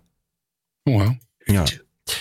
Eh, en inderdaad, zoals de chat zegt, ja, de film is eigenlijk al gespoild. Want we weten allemaal hoe het afloopt. Ja. Het, is, eh, het, is, het is ook niet heel Ja. spannend wat dat betreft. Ehm, dan terug naar een dingetje wat eerder gebeurde. Dat is misschien al wel weer twee jaar geleden of zo. Eh, je had die WNL-presentatrice Welmoed Sietsma, of Seidsma. Ehm, en daar is toen een deepfake porno-video van gemaakt. Een van de eerste in Nederland van iemand die enigszins bekend is. Eh, Ja, en daar was ik toen wel trots op dat ik die had gemaakt. ja, nou, er is nu dus eh, 120 uur celstraf eh, geëist tegen de maker van de deepfake-video. hij, zei dat hij, hij zei dat hij gewoon. eh, dat hij, ehm, hij was benieuwd of hij het kon, want hij had andere deepfakes zien circuleren. En hij denkt, nou, kijken of ik dat ook kan. Eh, nou, dat bleek aardig te lukken. En toen heeft hij van Welmoed die deepfake gemaakt. Die is overal op het internet terechtgekomen. En hij deed het vooral voor de likes, zei hij nu. En nu heeft de rechter gezegd van ja, je hebt toch inbreuk gemaakt op haar veiligheidsgevoel. En eh, dus eh, 120 uur taakstraf geëist. Is natuurlijk grappig, maar wel, wordt wel een belangrijk stukje jurisprudentie. Als wat voor uitspraak hierin komt, zeg maar. Want dit is natuurlijk heel nieuw gebied. En wat krijg je dadelijk bijvoorbeeld met AI die porno van iemand maakt? Hè? Wat, wat doe je dan? Wie maak je daarvoor aansprakelijk? Dus hè, het wordt wel een interessant, interessant stukje jurisprudentie wat we dadelijk krijgen. Hoe, hoe lang is dit geleden dat dit überhaupt gemaakt is dan? Inmiddels is die, is die video alweer anderhalf, twee jaar oud, denk ik. Alleen, ehm, ja, het heeft natuurlijk even geduurd voordat ze hem hebben getraceerd. en voordat het uiteindelijk voor de rechter kwam. Ehm, maar de Ik denk zaak dat die. door die tijd heen wel eh, nog meer eh, dingen gemaakt zijn. En zeker met de technologie van tegenwoordig dat het steeds Oh. makkelijker wordt en toegankelijker voor iedereen om dat soort rare dingen te maken, zeg maar. Daar ben ik wel bang voor. Maar Ik, ik, heb, ik heb gegoogeld en ik zit nu te kijken op mijn tweede scherm. En hij is wel bar slecht gemaakt. heb je hem gevonden, ja. echt ja? Ja, ja, ik typ in Welmot Sietsma deepfake. En de tweede video die ik zie is met een grote zwarte man. eh, die Welmoed, eh nou ja, in ieder geval... eh, in ieder geval alle gaten even gaat verkennen die ze heeft in haar lijf. Ehm, ik moet zeggen dat het is wel heel erg de opgeplakt, zeg maar. Het is niet... Als je dan veroordeeld wordt, laat het zijn voor iets goeds. Niet voor dit. Jij, maar misschien, jij kijkt naar de, naar de ogen wel op dit moment dan, hè? Ja. Want je, Maar eh, Bardo, kan je, je ziet wel echt in, in één oogopslag van dit is nep? Ja, ja, ik zie heel duidelijk. Zie, ik, moet ik je even een foto sturen via de app? Nee, maar. ik, ja, weet je, het is. Ik zie te kijken naar die video. Je ziet heel duidelijk. Maar het is gewoon letterlijk de kop van Welmoed ergens opgeplakt. Het is knap gedaan dat als die vrouw aan haar stringetje nu zit. dat zij ook naar beneden kijkt en alles. Maar. En als die man aan haar eh, eh, uiteinde likt. dat ze ook echt geniet ervan. Maar het is niet bepaald. Het is heel nep. Het is echt niet eh, knap erop gemaakt of wat dan ook. Hm. Want dat krijg je nou dadelijk met rechters ook. Die mensen hebben dan heel hun leven gestudeerd. En wat die dadelijk krijgen is gewoon een heleboel deepfake porn aangeleverd. En dan moeten hun zeggen of dat goed genoeg is om die man dadelijk te veroordelen. Dat ze zeggen, ja, redelijkheid, redelijkheid en billijkheid dicteert dat dit... eh, noem eens iemand waarvan ik dan niemand beledig, laat ik eh, de mevrouw van WNL dan noemen. Hè, dat die zegt van ja, redelijkheid en billijkheid dicteert dat een normale man kan hier haar inzien en daarom veroordeel ik jou. Dat krijg je dadelijk dan. Ja, zou het? Het is natuurlijk ook een beetje hoe je het publiceert, toch? Kijk, ik Ja, denk dat, dat, dat- precies. Als hij erbij zet, dit is huppel de pup pup. ja. Ja, dan is het, maar dat k- krijg je dadelijk niet altijd. En dan krijg je dus iemand maakt dat en die post het en het wordt achterhaald wie dat post. En dan moet je dus zeggen dat hij kan dan in verweer zeggen dat is duidelijk niet die. Dit is gewoon een fantasieproject van mij, net zoals je hentai hebt en zeg maar dat het is gewoon getekende porno. En dat dan een rechter uiteindelijk een keer gaat zeggen: nee, het is duidelijk dat elk weldenkend mens volgens redelijkheid en billijkheid zegt: dit is, hè, dit is, eh, ja, Jessica Simpson of zo, weet, weet ik veel. En dan kun je iemand dan veroordelen. Maar dan stel ik me voor een groep met rechters die dan die video zitten te kijken, om dat te achterhalen. Maar even, eh er is hij weer, advocaat van de duivel. Is het niet, eh, is het niet zeg maar... ehm, is het, vinden jullie het allemaal terecht dat hier een straf voor wordt geëist? Want je zou ook kunnen zeggen in theorie... van ja, eh, iemand heeft twee plaatjes van het internet gepl- geplukt... en, daar, en dat door een, eh, een machine gehaald. Ehm, what's the big deal? Zou je kunnen zeggen, hè? Ik bedoel... Ik vind het wel terecht. Zoiets hoor je gewoon niet te doen. En iemand moet een voorbeeld zijn. Dus eh, als deze man straf krijgt. En dus de rest misschien wel extra voorzichtig wordt aan. Hoop je dan. Ik vind het ook terecht, ja. Ja, nou, vooral als vrouw zijnde. Ik heb het vaker zelf meegemaakt dat mensen dingen van mij probeerden te faken. Dan niet, niet zo ver als in video's, maar wel gewoon hè, 16-jarige ik, waar dan foto's van worden gedeeld. Waarvan je denkt, volgens mij ben ik dit niet. Maar iedereen denkt dus van wel. Dat heeft toch echt wel een soort van ook impact op, je, op jezelf. Gewoon als persoon. Dus ik denk dat het wel terecht is dat je hier ook voor wordt gestraft. Wat ik Gaat ook wel... om de intent. Ja. Ja, maar, Zeg maar. Wat, nou, wat ik wel een opvallende eh take vond. Zo had ik er zeg maar nog niet naar gekeken totdat Cutie Cinderella dat zei. Die vertelde dat het eh, ook heel erg met haar zelfbeeld had eh, gekloot, zeg maar. Omdat zij, eh, zij werd dan eh gediepfaked op een perfect lichaam. En ze, zij, zij zei dat ze daar achteraf ook heel veel onzekerheid over haar eigen lichaam aan over had gehouden. Omdat ze zoiets had van ja, ze kreeg een beetje body dysmorphia van dat ze dat allemaal gezien had. Kan ik ook wel begrijpen. En daar zei ik ook. Ik ben heel erg bezig juist om als vrouw content te maken, zoals Gloske zegt, zoals een van de bro's. Hè, van, net zoals jullie wil ik dit heel maken. Ik wil, hè, ben juist heel erg op dat het niet seksueel is. En dan nog kom ik zo in het nieuws. Hè, dat er een deepfake van mij... Dit is helemaal uit mijn handen genomen. Die man is volledig de narrator van dit verhaal geweest... doordat hij dit heeft gedaan. En daarmee heeft hij mij schade berokkend. En dat is, dat is, al, dat is al grond genoeg voor een, voor een rechtszaak, lijkt me. Ja. Dus daarom is het volledig juist dat, het- dat het gebeurt. Maar het, het brengt natuurlijk wel interessante vraagstukken met zich mee. Want bijvoorbeeld, als ik bijvoorbeeld zou masturberen en ik zou aan iemand denken, hè, als ik aan, ja, ja dit, het wordt nu wel Jaspers rare vragen aan de vrouwen eh, gesprek nu maar dit, dit is wel, ik wilde, dit is een volledig eh, redelijke vraag, nou niet redelijk, maar ik meende deze vraag oprecht. Vrouwen, als, als iemand, als jullie horen, bijvoorbeeld jullie hebben vrienden, beste, in ieder geval in jullie vriendengroep, horen jullie dat bijvoorbeeld een van die mannen heeft gemasturbeerd terwijl die over jullie heeft nagedacht, bijvoorbeeld. Want dat is een beginsel niet strafbaar, maar wat, Wat is het eerste idee dan? Wat dat ge- gebeurt in de wereld, zeg maar. Dat is goor. Hè? Dat is, goor. Ja. ja. Ik heb het vaak genoeg meegemaakt dat ik een bericht kreeg. Gewoon van mensen van Twitch of zo. Oh. Die dan zeggen Oh. van, "Huh, ik heb op je afgetrokken. Dat ik denk van, ik wil dit zo niet weten. Zeg maar, doe, doe met je leven wat je wil. Maar dit is echt goor. Ik wil het niet weten. Nee, want dat is. Nee, want dat is een soort deepfaken in je hoofd. Snap je? Dat ik, ik maak van jou een deep... nou, niet specifiek van jou dan, maar ik maak maar een deepfake van volgens iemand... mij, het is pas grensoverschrijdend wanneer je naar iemand toe gaat die een goede vriend of vriendin van je is. En je begint over seksverhalen op een rare manier. Laat staan dat het ook nog over hem of haar is gegaan. Daar zit volgens mij de grens die heel duidelijk overgaat. Denk ik dan. Het is niet vaak dat ik tegen iemand zeg: Nou, ik heb gisteren toch lopen masturberen hier en hierop. Dat hou je meestal voor jezelf. Laat staan dat je ook nog zegt. En dan ook nog een keer op jou dat ik erbij dacht. Oh ja, jullie is vrienden delen dat niet, nee? Ja, alleen, eh, alleen hier bij de talkshow. Maar verder. eh, En ik heb daar ook echt wel eens Nee, gedaan. maar even serieus. Dat, het is toch ook een beetje. Het verschil is toch, denk ik ook, dat uiteindelijk valt dit ook een beetje onder een soort van smaad en laster. Toch? Wat eh Chapo net zei. Zij probeert natuurlijk als journaliste zichzelf redelijk credible neer te zetten. Eh, en dit doet natuurlijk heel erg afbreuk aan haar imago. Omdat mensen toch, weet je wel, mensen die het nieuws maar half volgen. En dat zijn er veel. Dit is, dan, dit is dan toch veel meer het Barbara Streisand effect. Door haar ben ik er nu gaan kijken. Door haar heb ik dit beeld nu. En door haar, door ziet ze zelf. Ja, sorry, het slachtoffer is een slachtoffer, niet de dader.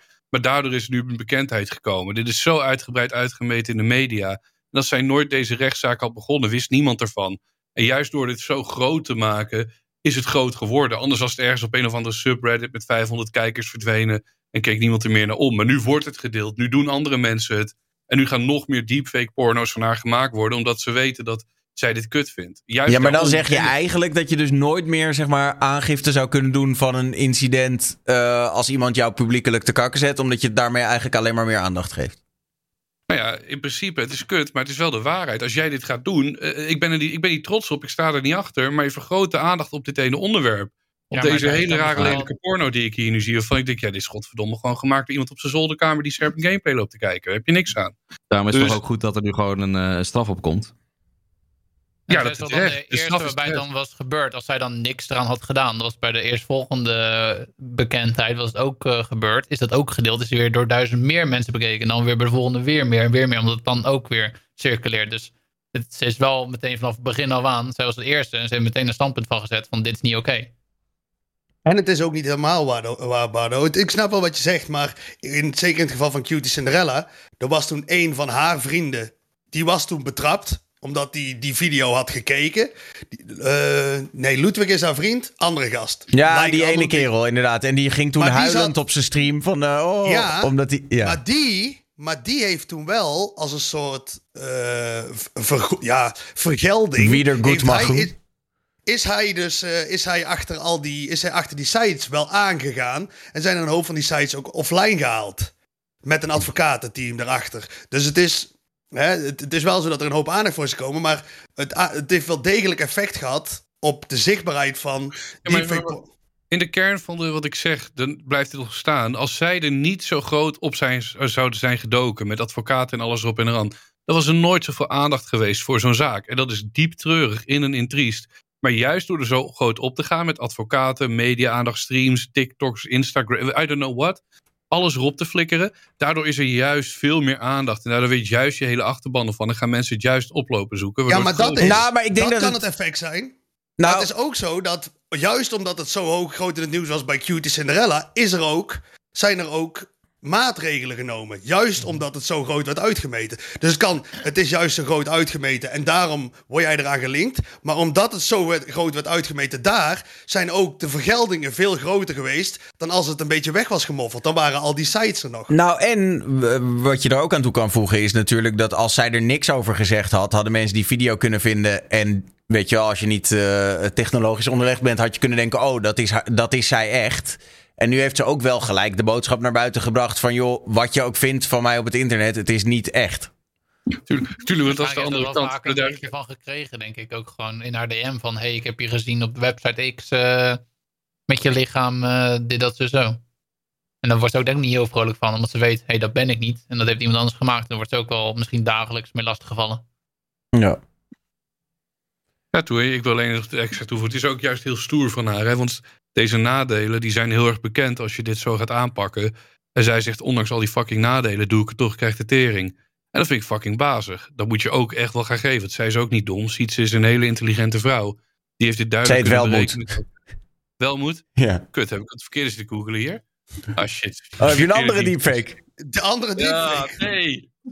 nou, wel moet dan maar. Ah, ja, ja. Maar ja, nee, in ieder geval wel respect dat je er zo achter staat en het eh, wel op je neemt. Ja.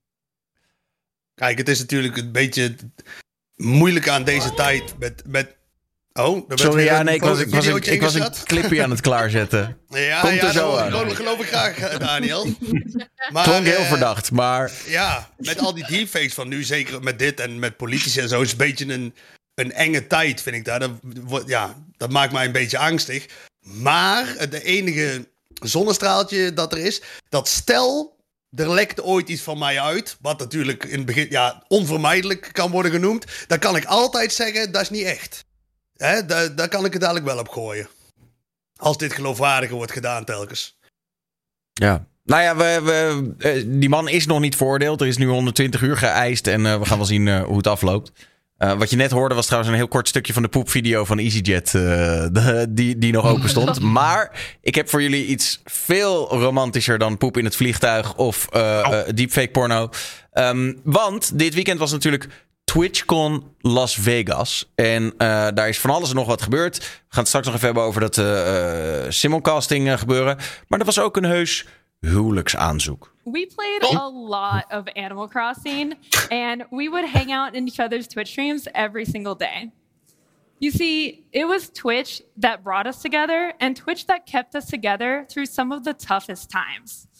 So it's only fitting that Twitch and this community play a role in one of the most incredible moments of our entire life.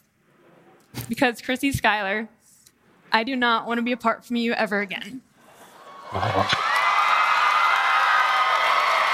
Will you marry me? yes.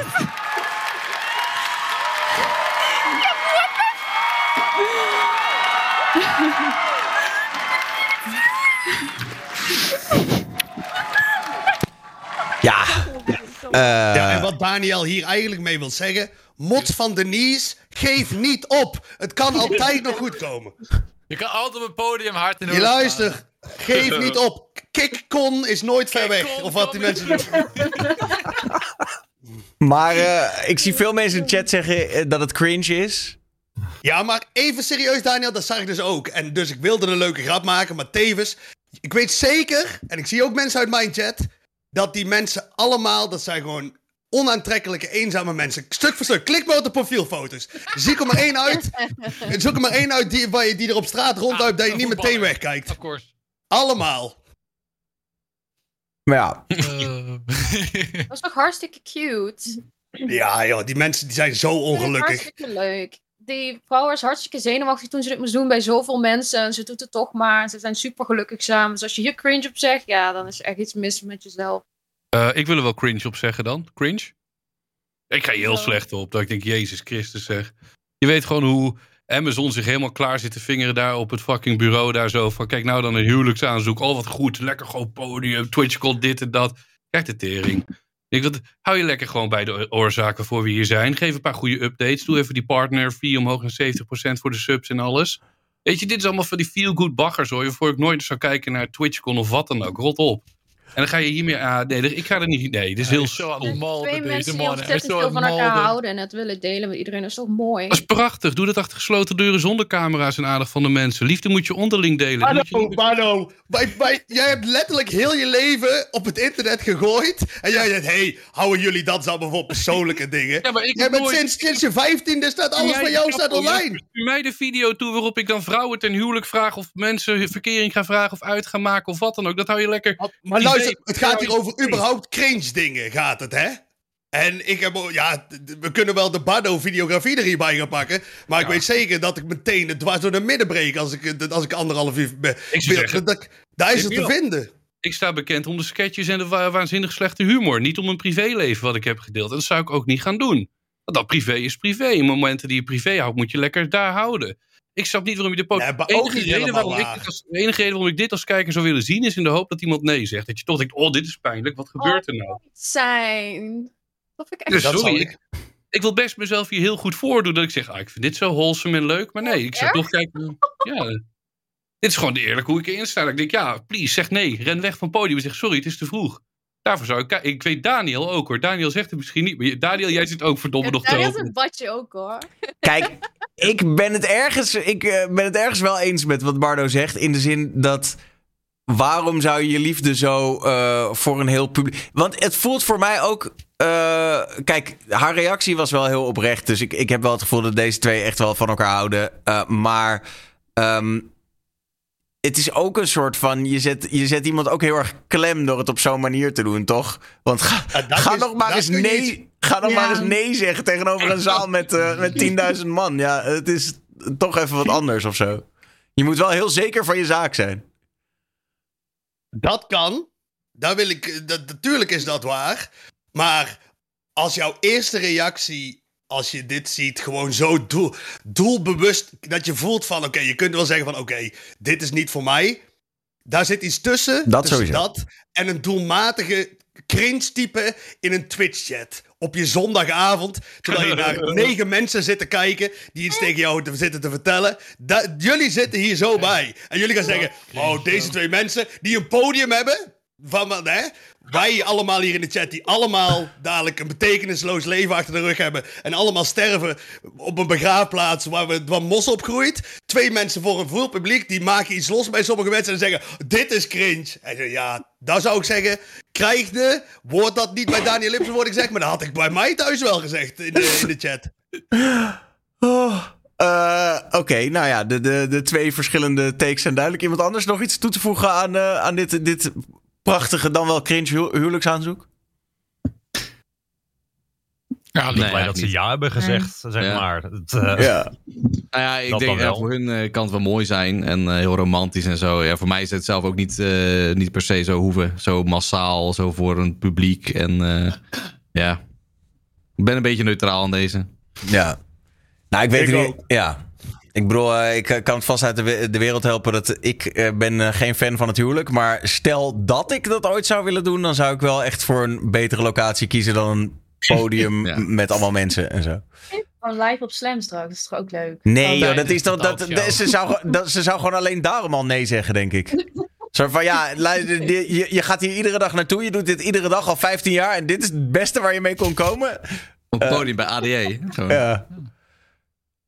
Ja, nou dan eh, krijg je de woorden er zo moeilijk uit. Goed, ehm, inderdaad, de mensen zeiden het in de chat al. Er, is, er was niet alleen een, eh, een huwelijksaanzoek, maar er is ook nog getrouwd eh, later.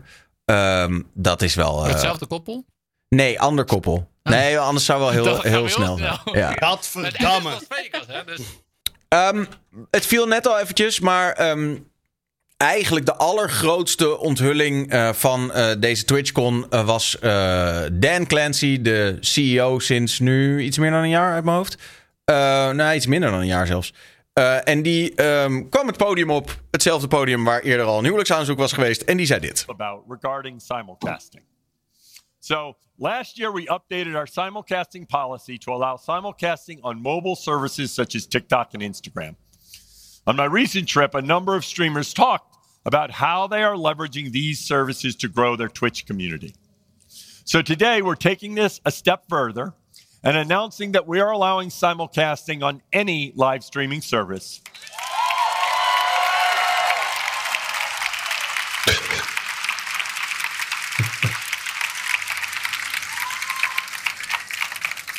You should have the freedom to decide which services you want to live stream on.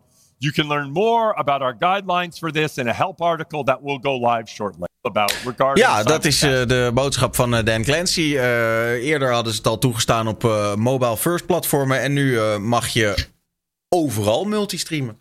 ik ga dit nieuws zo snel mogelijk aan lekker spelen doorgeven. Hun worden denk ik heel blij dan. Ja, dit is toch, waar- waar- waarom krijgt deze man applaus hiervoor? Hij zegt basically, kom, we gaan een keer normaal doen met ons platform Twitch. En mensen applaudisseren ervoor. Op zich dat ik denk, ja, dit, dit, dit is toch een debiele regel was het al die tijd. Toch volkomen volslagen achterlijk. inderdaad. Ja, is. Ja, nu, nu, nu zegt hij, hey, kom, we gaan een keer normaal doen. Dat je denkt, ja, had dat altijd gedaan. Vorig jaar al, toen je de halve regel doorzette. Mm, Ja. Was het echt zo'n. Ik, ik, ik kan me toch ook wel ergens voorstellen dat je als platform iets van. Het was ook niet een extreme commitment die ze vroegen, toch? Ze zeiden niet: je mag niet op andere platformen live. Alleen als je op ons platform bent, ben dan op ons platform. Zijn overigens nog steeds wel een aantal guidelines. Hè? Eh, dus eh, je mag nu op alle platformen multistreamen, maar. eh, je mag bijvoorbeeld geen chats samenvoegen met third-party tools. Dat dus de Twitch-chat in de YouTube-chat wordt gepaced en andersom. Dat mag niet. En je moet, ehm, en dat is een beetje subjectief natuurlijk, maar je moet de Twitch-kijker een gelijkwaardige of betere ervaring aanbieden dan de kijkers op andere platformen. Dus je mag niet zeg maar een YouTube-stream eh, ook nog even op Twitch doorzetten. Het moet wel. Ik snap nog niet waarom je dan niet die chat samen mag voegen. Maar al- ik heb wel moeite soms met één chat. Nou, dan moet ik dus drie verschillende chats gaan bijhouden of zo. Nou ja, Waarom kijk, je mag ze op je eigen beeldscherm natuurlijk wel samenvoegen. Maar het is niet de bedoeling dat jij zeg maar de Twitch-kijkers en de YouTube-kijkers met elkaar in verbinding stelt. Ja, oké, op die manier. Ja. Nee, wat ze eigenlijk zeggen eh, met die twee regels is... de chat, dat doe je nog steeds gewoon op Twitch. Van de, je mag niet...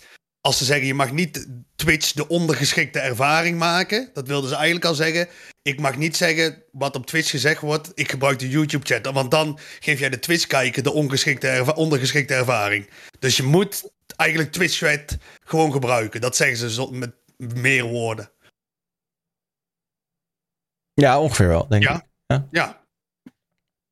Ja, dat zeggen ze. ja, maar dat moet, je, dat moet je fancy brengen. Want anders zeggen mensen meteen van...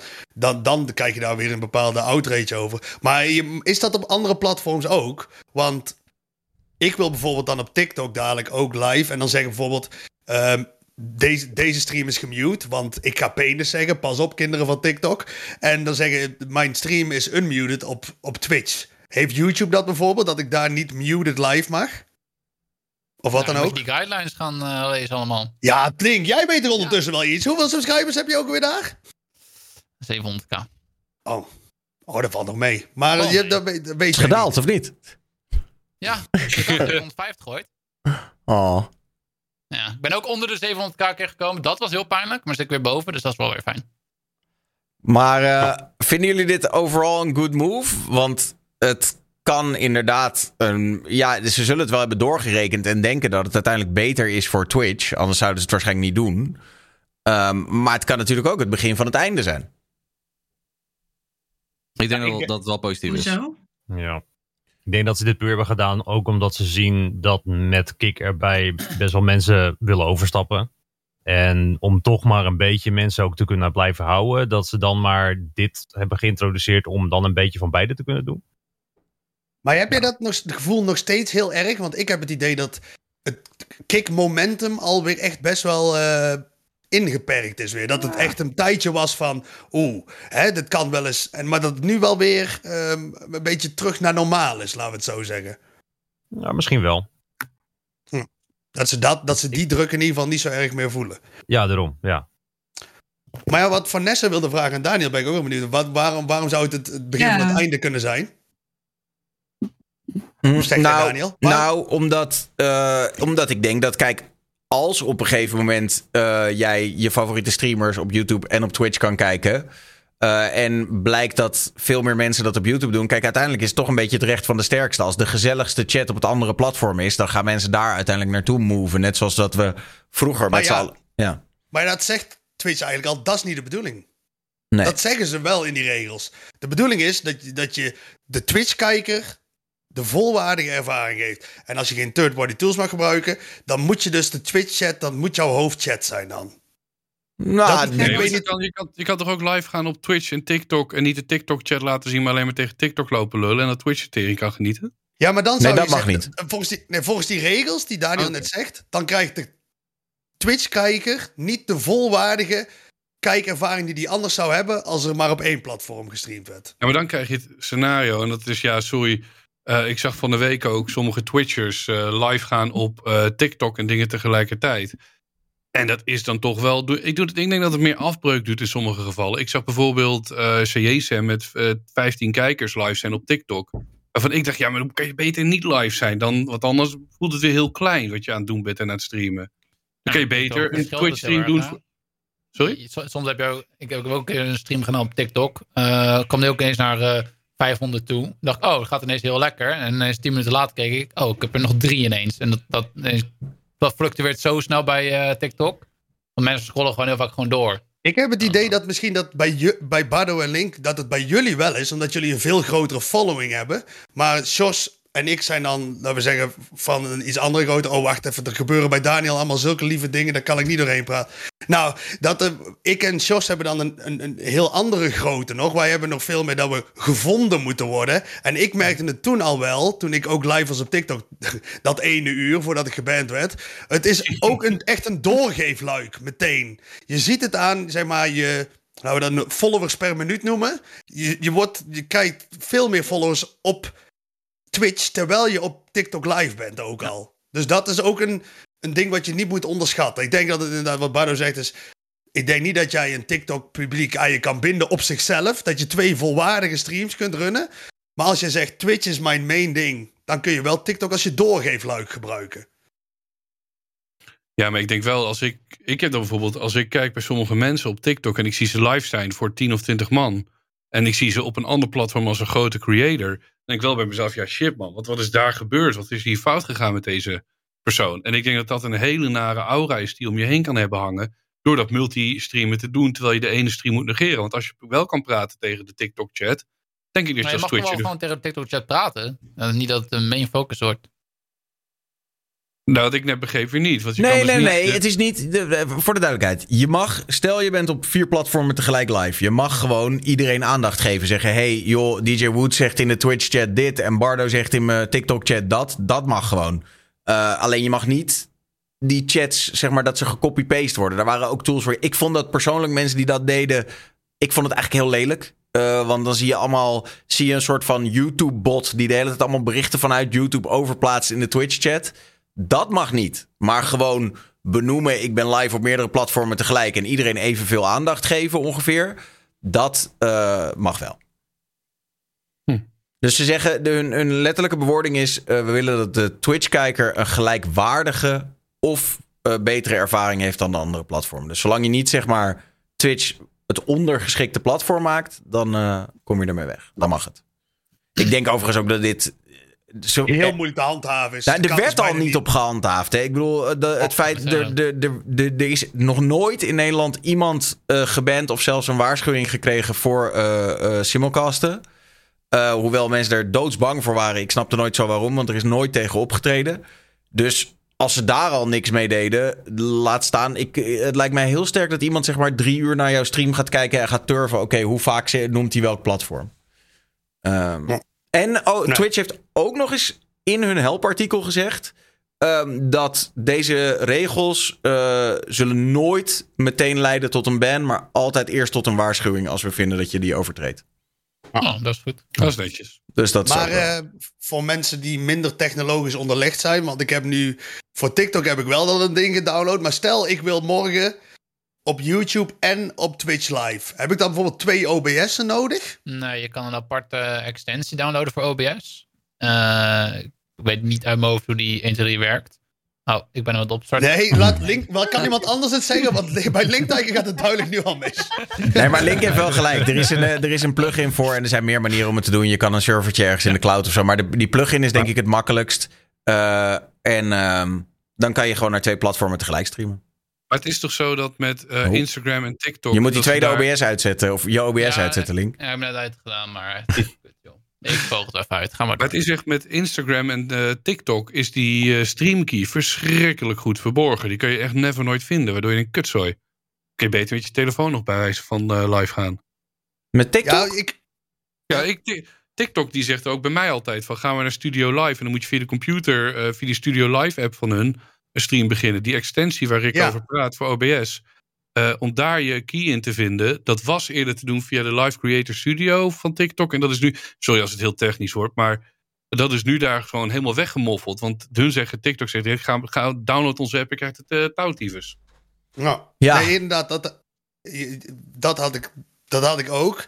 En ja. wat ook niet zo handig doen, is dat bijvoorbeeld als je dan zeg maar uh, denkt, denkt dat je op TikTok gaat streamen, maar je weet niet of jouw content toch voor gemaakt is en je wordt gestraft, dan krijg je een zeven dagen schorsing. En wat Bardo zegt, dan heb je zeg maar, je moet een soort vergunning aanvragen bij TikTok om live te gaan een tijdje.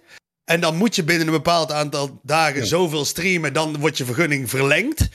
Maar wat er wel gebeurt is, als je je eerste dag geband wordt, dan krijg je een zeven dagen schorsing. Maar die vergunning mag je pas weer aanvragen als je een maand niet geschorst bent. Dus eigenlijk is je schorsing een maand. Ja, maar om vervolgens die vergunning aan te kunnen vragen bij TikTok is het onmogelijk. Dan moet je echt een management hebben of eh, Daniel lief in de ogen aankijken, zodat iemand gaat mailen voor je. Maar TikTok zelf is een gebarricadeerde, net als Noord-Korea gewoon daar, fuck it. Het is wel complex allemaal bij TikTok. Eh, Laat ik het zo zeggen, het is erg bureaucratisch en ingewikkeld allemaal. Ja, je komt Ja. er niet doorheen. Nee, ja, nee, nou ja, goed. Ja, ik, eh, ze hadden mij op een gegeven moment een mailtje gestuurd met... eh, joh, eh, lekker bezig, wil je verified worden op TikTok? Toen dacht ik, nou ja, oké, prima. Toen kreeg ik een heel ouderwets formulier... wat je dan moest uitprinten en echt in drievoud invullen. En dan moest je dus al allerlei dingen aanleveren... om te onderbouwen dat je nieuwswaardig persoon en bla, bla, bla, bla. En toen had ik al zoiets van, oké, laat maar. Ehm, Dan moet maar- via de postduif. Ja, nou ja, het, het scheelde echt niet veel. Ja. Volgens mij moest je dat dan of inscannen of per post naar ze opsturen. En eh, er stond ook nog ergens een soort checkbox van... eh, je geeft eh, toestemming aan eh ByteDance China om alles, alles over je te weten te komen. En. Verkopen. Ja. En ik, ik zie Don Kaaklines in de chat roepen, wat een onzin. Ik heb TikTok Studio gedownload, kon instant live. Maar dat is ook het ding. Dat is een hele andere tool die je erbij gebruikt. Wat je het liefst zou willen is, wat Jasper beschrijft, is via OBS. Dat je gewoon met één eh, schakel via je Stream Deck allebei de streams kan bedienen. En dat is niet mogelijk. En dat je niet vastzit aan het TikTok Studio. Exact. Ja. Die fucking kut app. Ja, dat is niet Ja, ideaal, nee. Nee, maar kijk, ja, maar het is.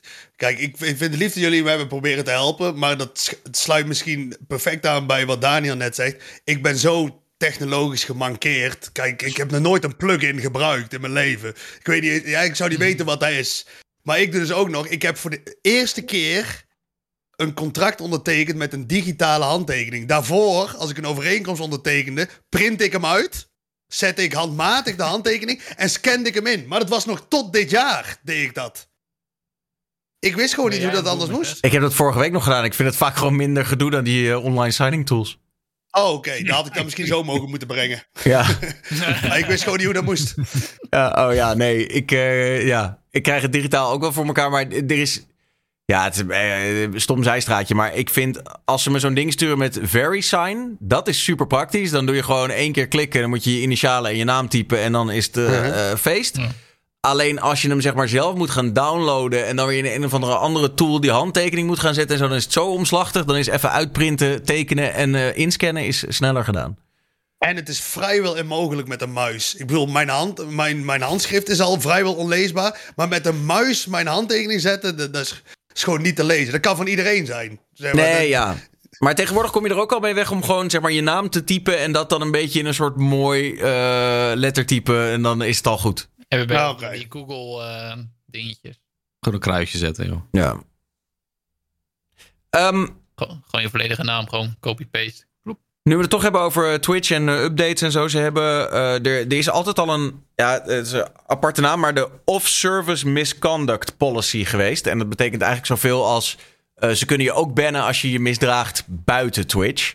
Eh, en daar zijn nu twee dingen aan toegevoegd, namelijk eh, doxen en swatten. Als ze op de een of andere manier kunnen aantonen dat jij daarbij betrokken bent, eh, dan eh, kun je geband worden op Twitch, ongeacht waar dat eh, plaats heeft gevonden. Nou, als YouTube dat ook even zou doen bij Sniperwolf, zou dat heel vet zijn. Sorry. Te diepe grap, ik vond hem leuk.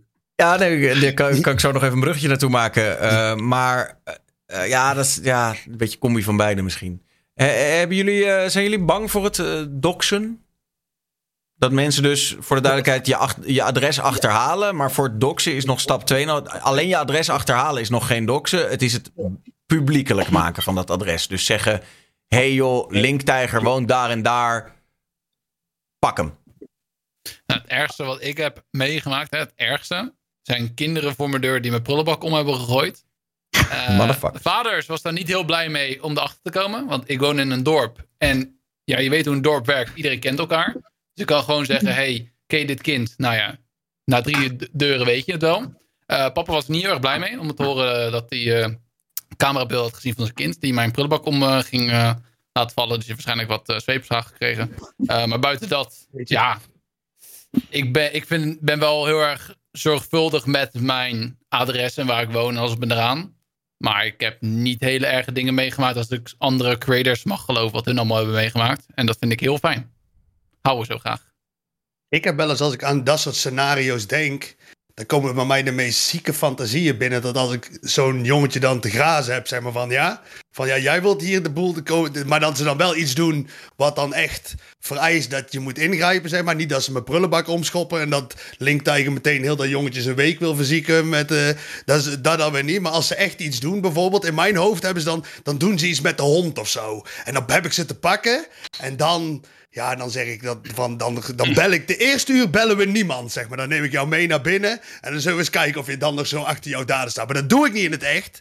Dat is wat dat gebeurt natuurlijk niet, maar dan, die dingen gaan wel eens in mijn hoofd langs. Ja, ik, ik heb een beetje het gevoel dat je wil met name bij Twitchers wil je gewoon het effect kunnen zien op stream. Dat je daar een pizza bestelt en die Twitcher loopt naar de deur, komt boos terug en zegt: Godverdomme, wie heeft dit gedaan? Dat je daarom dat adres wil hebben om te kutten.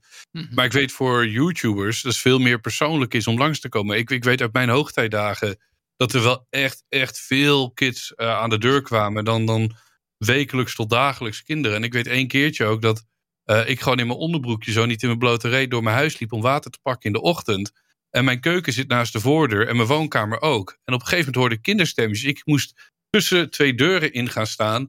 En ik had allemaal kinderen bij mijn voordeur. En toen lag ik een soort van in mijn onderbroekje op de grond te wachten tot die kinderen weg waren. Want ja, anders zien ze mij mijn onderbroekje langs en dan denk ik ook, ja, kutzooi, wat gebeurt mij nou? Dus ja, maar voor de rest, het is nooit heel erg erg geweest. Behalve dat ik mijn onderbroekje voor kinderen aan het schuilen was. Van rot op, rot op. Ik wil die gezien worden. Ik, en ik hoop dat ik jij aan zou schuilen om jouzelf te laten zien aan uh, kiddo's, uh, Barden. Ja, het is wel weird als je in één keer denkt... Uh, die grote jongen van 120 kilo, die kwam naar de deur in zijn onderbroek... en die zei, wil je weggaan met een sigaretje? Jongens, rot op. Ja, dat, dat is... het, het, is veel vetter dan Bardo als jij dacht dat jij verhuld was... maar dat die kinderen jou gewoon konden zien liggen. Ja, dat er allemaal, dat wel, ja. allemaal foto's op het internet van Bardo die zo op de grond ligt. helemaal stil om geen geluid te maken. En wij waren bij Bardo Ellis vandaag aan de deur. Wat een eigenaardige man. Ik weet nog wel, toen ik uh, bij mijn ouders woonde, toen viel het op zich wel, wel mee hoe vaak kijkers voor de deur kwamen. Ik had wel, zeg maar, uh, langs mijn huis was zeg maar, wel een beetje vaak de fietsroute van middelbare scholen. En ik weet nog een periode dat uh, toen Enzo een keertje bij me langskwam, even, even wat op te nemen en alles. Maar ja, die komt natuurlijk aan met zo'n gigantische bak van een auto. En die staat dan voor je deur. Nou, nou een kind die fietst langs, ziet natuurlijk dus allemaal Volkswagen Polo's en wat wat uh, ja, normalere auto's ziet ineens zo'n dikke bak staan. Ja, die gaan natuurlijk al om me heen van... oh, die auto die herken ik van de Enzo. En dan uiteindelijk was het door heel het dorp heen dat hij bij mij langs was. nou, dat was niet echt leuk. Want voor mij zat ook een keertje in de tuin. Gewoon met mijn ouders te chillen en met hem. En ineens zitten allemaal kinderen over mijn schutting heen... om foto's te maken. En nou, weet je wel een beetje uh, niet zo vrolijk van, uh, om wat zo te zeggen. Nee, dat, dat, heb ik ook bijvoorbeeld als ik met Rick in zijn subathon in de auto zat naast hem. En dan uh, waren we na een dagje pretpark weer of wat dan ook. Want daar neemt Rick me eens naartoe en dan rij je naar, naar huis. In zijn geval naar zijn huis. En als je dan gewoon als kijker meeleest, dan denk je... Oké, okay, snelweg hier af, rotonde, eerste rechts. Dan vind je het ook wel uiteindelijk. Weet je, ja, met ja. alle respect. Maar dan denk je ook in zo'n subathon... Ja, waar doe je het nog voor? Dan kun je wel, als je dan de auto uitstapt, dat ding tegen je uh, mm-hmm. borst drukken. Maar op Google Maps is er maar één huis geblurred. Dat je denkt, nou, welke zal het zijn? Ja, het is heel makkelijk om iemand te vinden. Ik heb letterlijk tijdens mijn uh, subathon toen was uh, Harm. Je kende misschien wel die 30 dagen door heel Nederland heeft gelopen. Die heeft uh, heel vaak gewoon op Snapchat en op Instagram zijn locatie gedeeld. Van hey, je kan me spullen geven, wat eten, wat te drinken. Dat zou ik heel chill vinden. Dus heb ik op stream heb ik gewoon hem gestalkt in principe. Kijk, we zijn gewoon vrienden van elkaar, dus weet je, dat mag gewoon. Maar ik heb letterlijk door middel van een paar foto's op zijn Snapchat... heb ik gewoon heel zijn locatie kunnen traceren. En dan heb ik hem ook gewoon een half uur zeg maar gewoon gevolgd zonder dat hij door had. Nou, maar dus we kunnen, dan... Daniel, we kunnen nou Link Tiger dus geband krijgen omdat die iemand dus, ja. dat hij dit heeft gedaan. Maar dus dit kan ik bij Twitch aanhangig maken. Openbaar. Ik heb hem niet gedaan. Ja, ja, ja, het is goed. ja, in theorie uh, wel. wel. Ik vond het wel mooi, Bardo, hoe jij net zei van... Uh, ik, ga dan met, ik ga dan met Rick naar pretparken. Ah, dan neem ik hem meestal mee naartoe. Alsof je in een soort buddy-programma zit, weet je wel. Van 18 jongen, die mag dan, hè. Dan haal ik hem bij de begeleid wooninstelling op. En dan neem ik hem een weekend, ik hem een paar dagjes mee. Is het wel, dat was heel lief van Stichting de Zonnebloem. Die hebben dat geregeld Ah, voor mij. Fijn, Die zeiden, ah ja. Mag je dan overal sneller ook in, in al die attracties? Ja, dan moet je wel even mank lopen voor drie minuten en daarna Oh, dan eh, ja. uitrennen weer, weet je wel. Dat doe je. Nee, nee, maar dat is, ja, nee, weet je, het is, ik, ik, ik merk gewoon heel erg, voor Twitchers is het alleen maar leuk als je juist echt kan kutten. Als ik dan nu eh, bij Het Is Je Opa een eh, Uber kan bestellen, dat die man even weg moet lopen van de talkshow. Zeg ja, godverdomme, wie heeft me dit geflikt?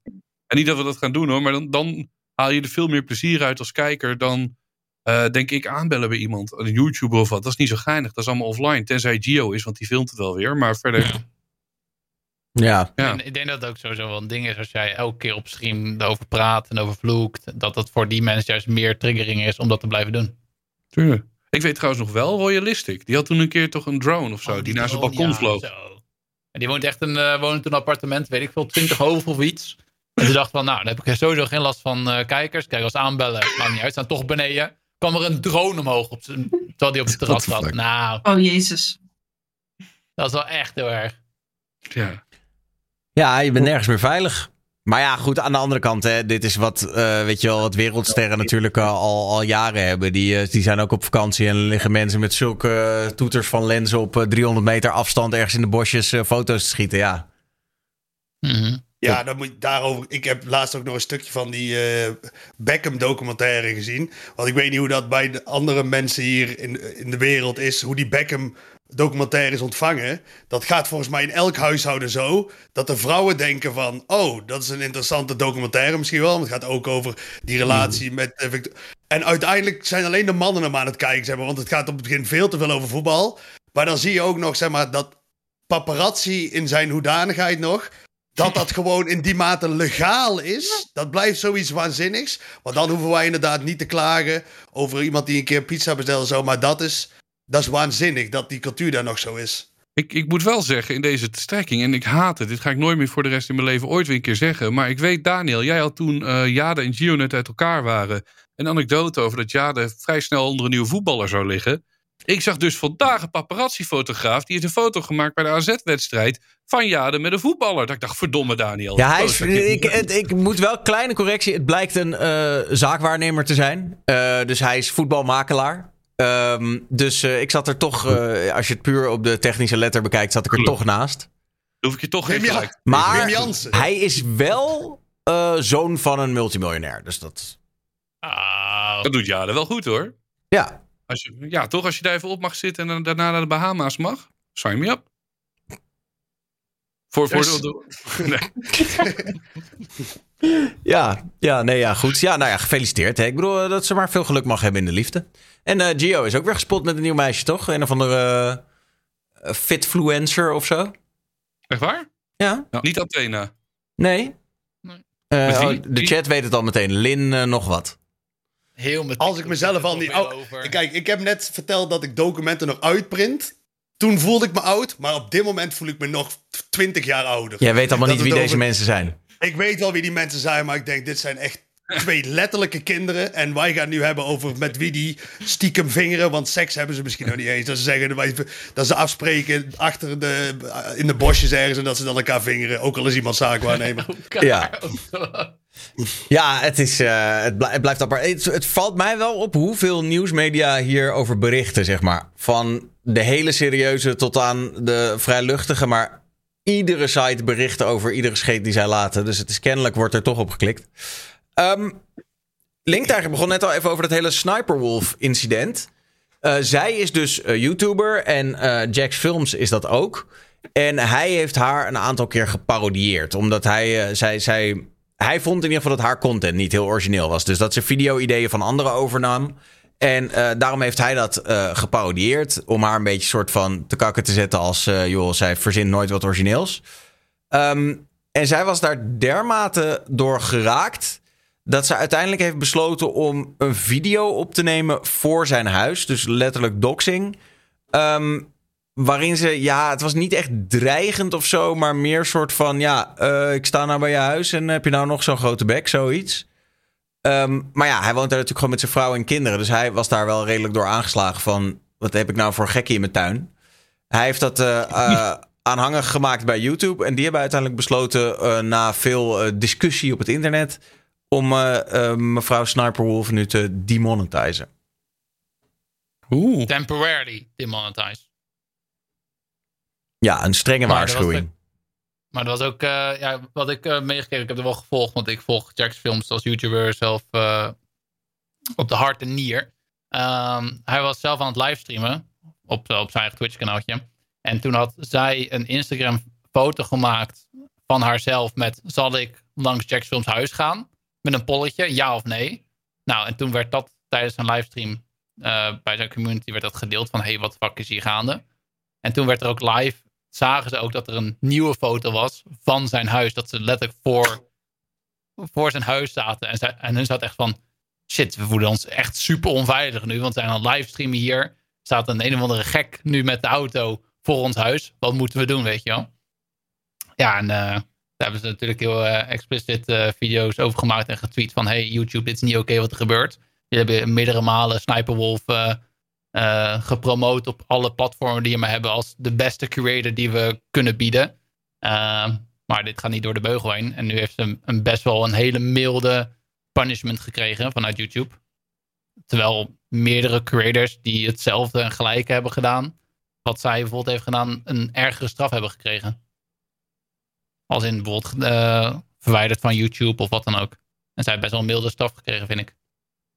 Maar is dit eerder voorgekomen dat, de, dat mensen letterlijk gewoon uh, naar de andere huis zijn gegaan ongevraagd en daar... Ik, ik, denk, ik denk door, de, door de jaren heen vast wel uh, een paar keer. En dat ook heel veel gewoon channels gewoon verwijderd zijn vanwege doxen. Want staat in de, in de terms of service van YouTube staat gewoon... als je dit doet, dan wordt je kanaal gewoon verwijderd.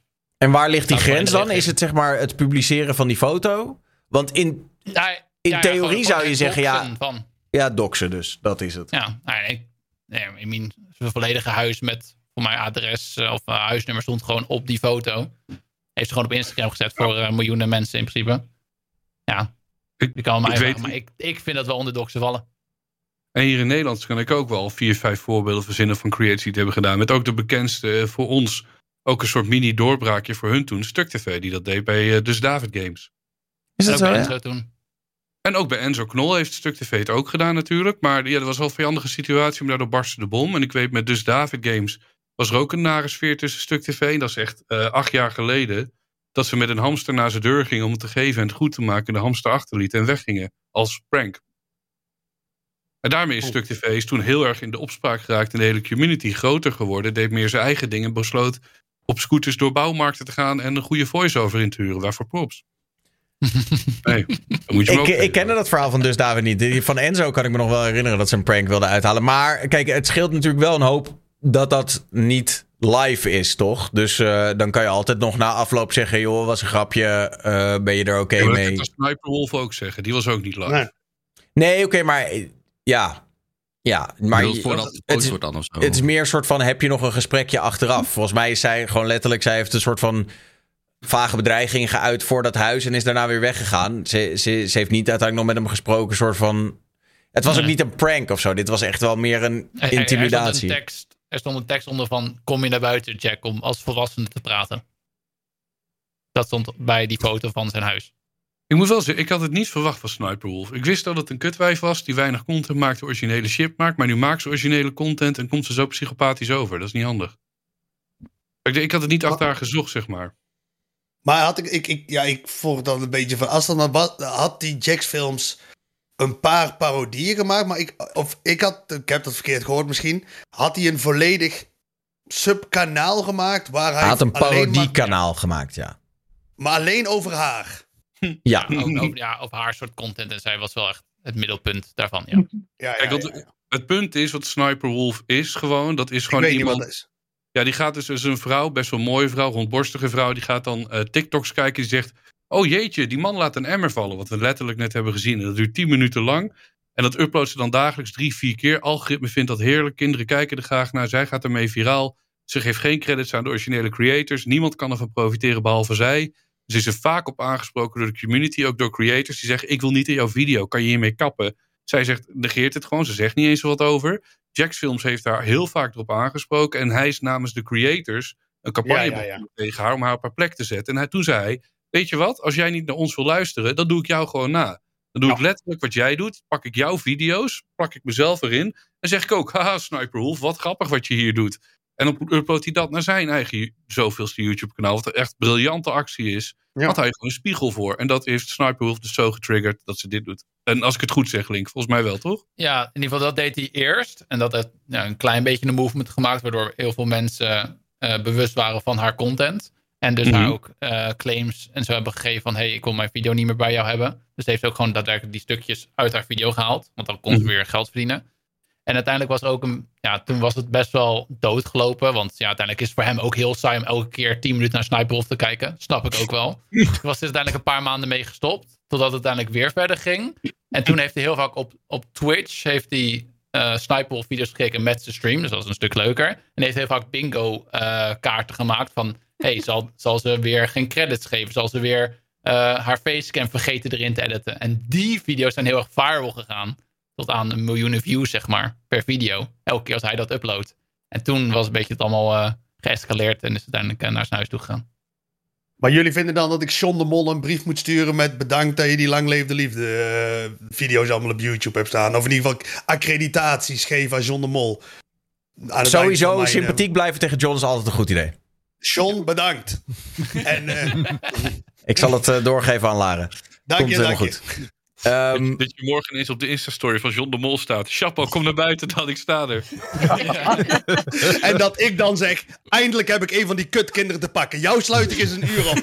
Daar zou ik even in-game, in-game, in-game aan toevoegen. Want die man heeft natuurlijk. Hij heeft, hier- hij heeft hier wel echt met dat bijltje gehakt. Hè? Dat ze, dat ze, hij, is, la- hij is maandenlang is hij en zijn zus zijn daadwerkelijk eh, bedreigd.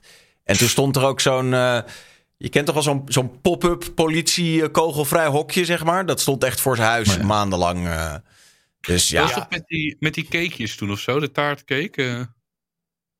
dat er een box eh, cake naar Linda de Mol en John de Mol gestuurd was? Dat weet ik niet meer. Ah, dus, dat maakt ook niet uit. Boeien. Ik weet dat ze wel een stalker hadden die ze echt eh, maandenlang heeft eh, bedreigd en zo. Dat was wel. eh, was wel maar ik denk wel dat, dat ze hier begrepen dat ik niet bedoelde dat ik Nee, nee, nee, nee, nee, nee, nee. Ah, Nee. Ehm, goed, Nee. we hadden het net al over het Amsterdam Dance Event. Dat was natuurlijk afgelopen week. En ehm, nou, het wordt liefkozend in de Volksmond ook wel het Amsterdam Drugs Event genoemd. Waarom zou dat toch zijn? Ehm, en eh, nou ja, ik heb het zelf ook wel gezien. Mensen waren er echt wel goed aan. En ik zat toevallig dus vanochtend in een trein. Eh, en die trein zat helemaal stampvol met mensen die gewoon echt eh, ja, eh, nou, lekker op weg waren. Laten we het zo, laten we het zo zeggen. Ehm, alleen wat ik nu wel een beetje zie dit jaar, en dat, dat vond ik toch wel een, een gesprekje waard, is dat ehm, meerdere nieuwsmedia, waaronder Poont en ook de Telegraaf, die vinden het dan nodig om om 6, 7 uur ochtends een verslaggever op pad te sturen met draaiende camera. Om dan mensen bij de uitgang van zo'n feest eh, ja, eigenlijk te overvallen en een camera in hun smoel te duwen. En ehm, ja, mijn, mijn vraag is eigenlijk dat fenomeen. Dat er dus eh, dat die mensen gewoon meteen eh, op beeld worden vastgelegd. Wat vinden we daarvan? Ik weet nog wel dat ik toen een keer zo'n video had gezien. Ehm, hoe heet je ook weer? Die, die, die tent in Duitsland, Bahrein? Of hoe heet je ook weer? Die, Berghain. Berghain, ja. Dat, er waren dus mensen naar Berghain geweest. En dat feestje gaat dus het weekend door, zeg Ja. maar. Dat, dan, kun je gewoon, dan kun je gewoon drie uur 's middags uitvallen. En dan ben je daar zeg maar 48 uur geweest, ik zeg maar iets. Maar die mensen die komen daar dus ook helemaal aan naar buiten gelopen. En toen was eh, Conan O'Brien in Duitsland. Dus moet je eraan gaan. Je ligt er helemaal af. Je komt Berghain uit. En dan staat Conan O'Brien. Staat er dan denk je echt van... dit, dit is nooit echt waar. Dit, Dit is bullshit, ja. Ja, Wat heb ik op? nou ja, ja, te veel in ieder geval. Maar Ja. Dat, ja, dat fenomeen wordt het dan een beetje. Maar dat wordt nog een beetje... Conan O'Brien doet natuurlijk goed lachs. En ik heb niet het idee dat dat hier met deze intentie wordt gemaakt. Nou, dit is ook wel enigszins. Er wordt, er wordt wel mee gelachen. En ik neem aan toch dat ze die mensen uiteindelijk ook wel eh, om toestemming vragen. Maar ja, in de staat waar die mensen in zijn, kan je er natuurlijk niet. ehm, Vragen was... Nee, nou, en het, is, en het is ook zo dat. ehm, blijkbaar zijn er toch eh, kringen waarin, eh, weet je wel, werkgevers en zo dit later tegen je kunnen gebruiken. Dus je, weet je wel, hoewel je misschien zelf je niet schaamt voor wat je doet of whatever, ehm, kan het natuurlijk later wel tegen je gebruikt worden. En dat schijnt ook steeds vaker te gebeuren. Ja, maar, dit is toch, maar Daniel, jij werkt ook ermee. Dit is gewoon een prachtig item, toch? Ook als je bij Slam FM binnenkomt en je ziet een paar gasten knijten strak. Zou jij ze in bescherming hebben genomen voor je radio-uitzending? Of zou je zeggen, deze prachtig, zend maar uit? Nou ja, het ligt er een beetje aan. Kijk, dan kom dat is, ik, ik, ik vind, nou ja, nee, kijk, ik vind het Ja. wel iets anders of mensen zeg maar vrijwillig naar jou toe komen of dat je op hun Denk afstapt. ik ook. Weet je, kijk, als jij ervoor kiest om in een radiostudio eh, strak te gaan staan, ja, dan heb je wel een beetje een soort van, je weet waar je aan begint, toch? En er zijn inderdaad wel DJ's met het ADE die daar, die daar, die zoiets hebben van, ja, het is wat het is. Het is ADE, ik ga daar naar binnen en ik weet dat er camera's staan. Dat vind ik wel wat anders dan zeg maar, soort van, oh ja, je, je komt net de club uitgedropen en, eh, en in één keer word je vastgelegd. En het is, het is voor mijn gevoel een beetje zo. Er zijn honderden specifieke situaties waarbij we mensen in bescherming moeten nemen. En deze mensen maken zichzelf naar de kloten. Die zijn in het openbaar. Je weet dat je daar bent. En dat geldt ook bijvoorbeeld voor demonstraties, ook voor die XR-protesten. Ja, dan, dan weet je gewoon, kunnen- kan een klootzak op je afkomen. Dat is gewoon risico van het vak. Ja, dat, eh, ik, ik ken het want Ik bedoel ook van vroeger. Elk rondje is anders. Al die memes die vroeger bestonden al. waren ook mensen die naar de kloten waren. Dat was hartstikke gezellig om te kijken. En dan ben je een internetgekkie. Dat is risico van het leven en het vak. Het openbaar zijn je kutzooi. Maar welkom in En dat was nog 21ste op feesten zelf, toch? Dat was op de feesten zelf toch nog zelfs? Want eh, dat, dat was op Thunderdome, volgens mij, wat jij zegt. Ja, volgens mij ook. Ja, dat hij daar eh Ja, ja, ja. ja. rondjes anders op Nou ja. En die mensen die vonden het ook prachtig. Hè? Kijk, het, ik, ehm, ik besefte me... Kijk, in de media wordt hier natuurlijk niet zo heel moeilijk over gedaan. En eh, is, is het allemaal wel schering en inslag. Alleen, er zijn natuurlijk wel sectoren... Ik heb me laten vertellen dat de advocatuur zo'n zo'n sector is. Met name gewoon in, in Amsterdam. Waar tegenwoordig echt drugstesten worden gedaan en zo. En als zo'n filmpje van jou naar buiten zou komen... dan ben je gewoon je baan kwijt. Eh, en dat vind ik wel eh, treurig. Ik heb ooit eens meegemaakt dat ik een eh, pilletje heb gedaan op een eh, eh, avond. En die werkte pas echt om één uur s'nachts in of zo. En de dag daarna moest ik naar First Look. En toen kwam iemand langs. Ik zal niet zeggen wie, want dat vindt Enzo Knol niet leuk. Maar die heeft me geïnterviewd dat ik knijterstrak voor zijn camera stond. Die staat nog op YouTube trouwens. Kan je gewoon vinden allemaal. Google hem. Leuk te zien. Maar dat is echt dat je denkt, ja, dat ik was er aan het kaakschaatsen waar je u tegen zegt. Maar ik dacht ook, ja, kutzooi. Kut, ik had ook niet dat pilletje moeten doen om één uur s'nachts. Ik heb echt twee uur geslapen en ik stond daar op dat feest. Of feest, festival, First Look.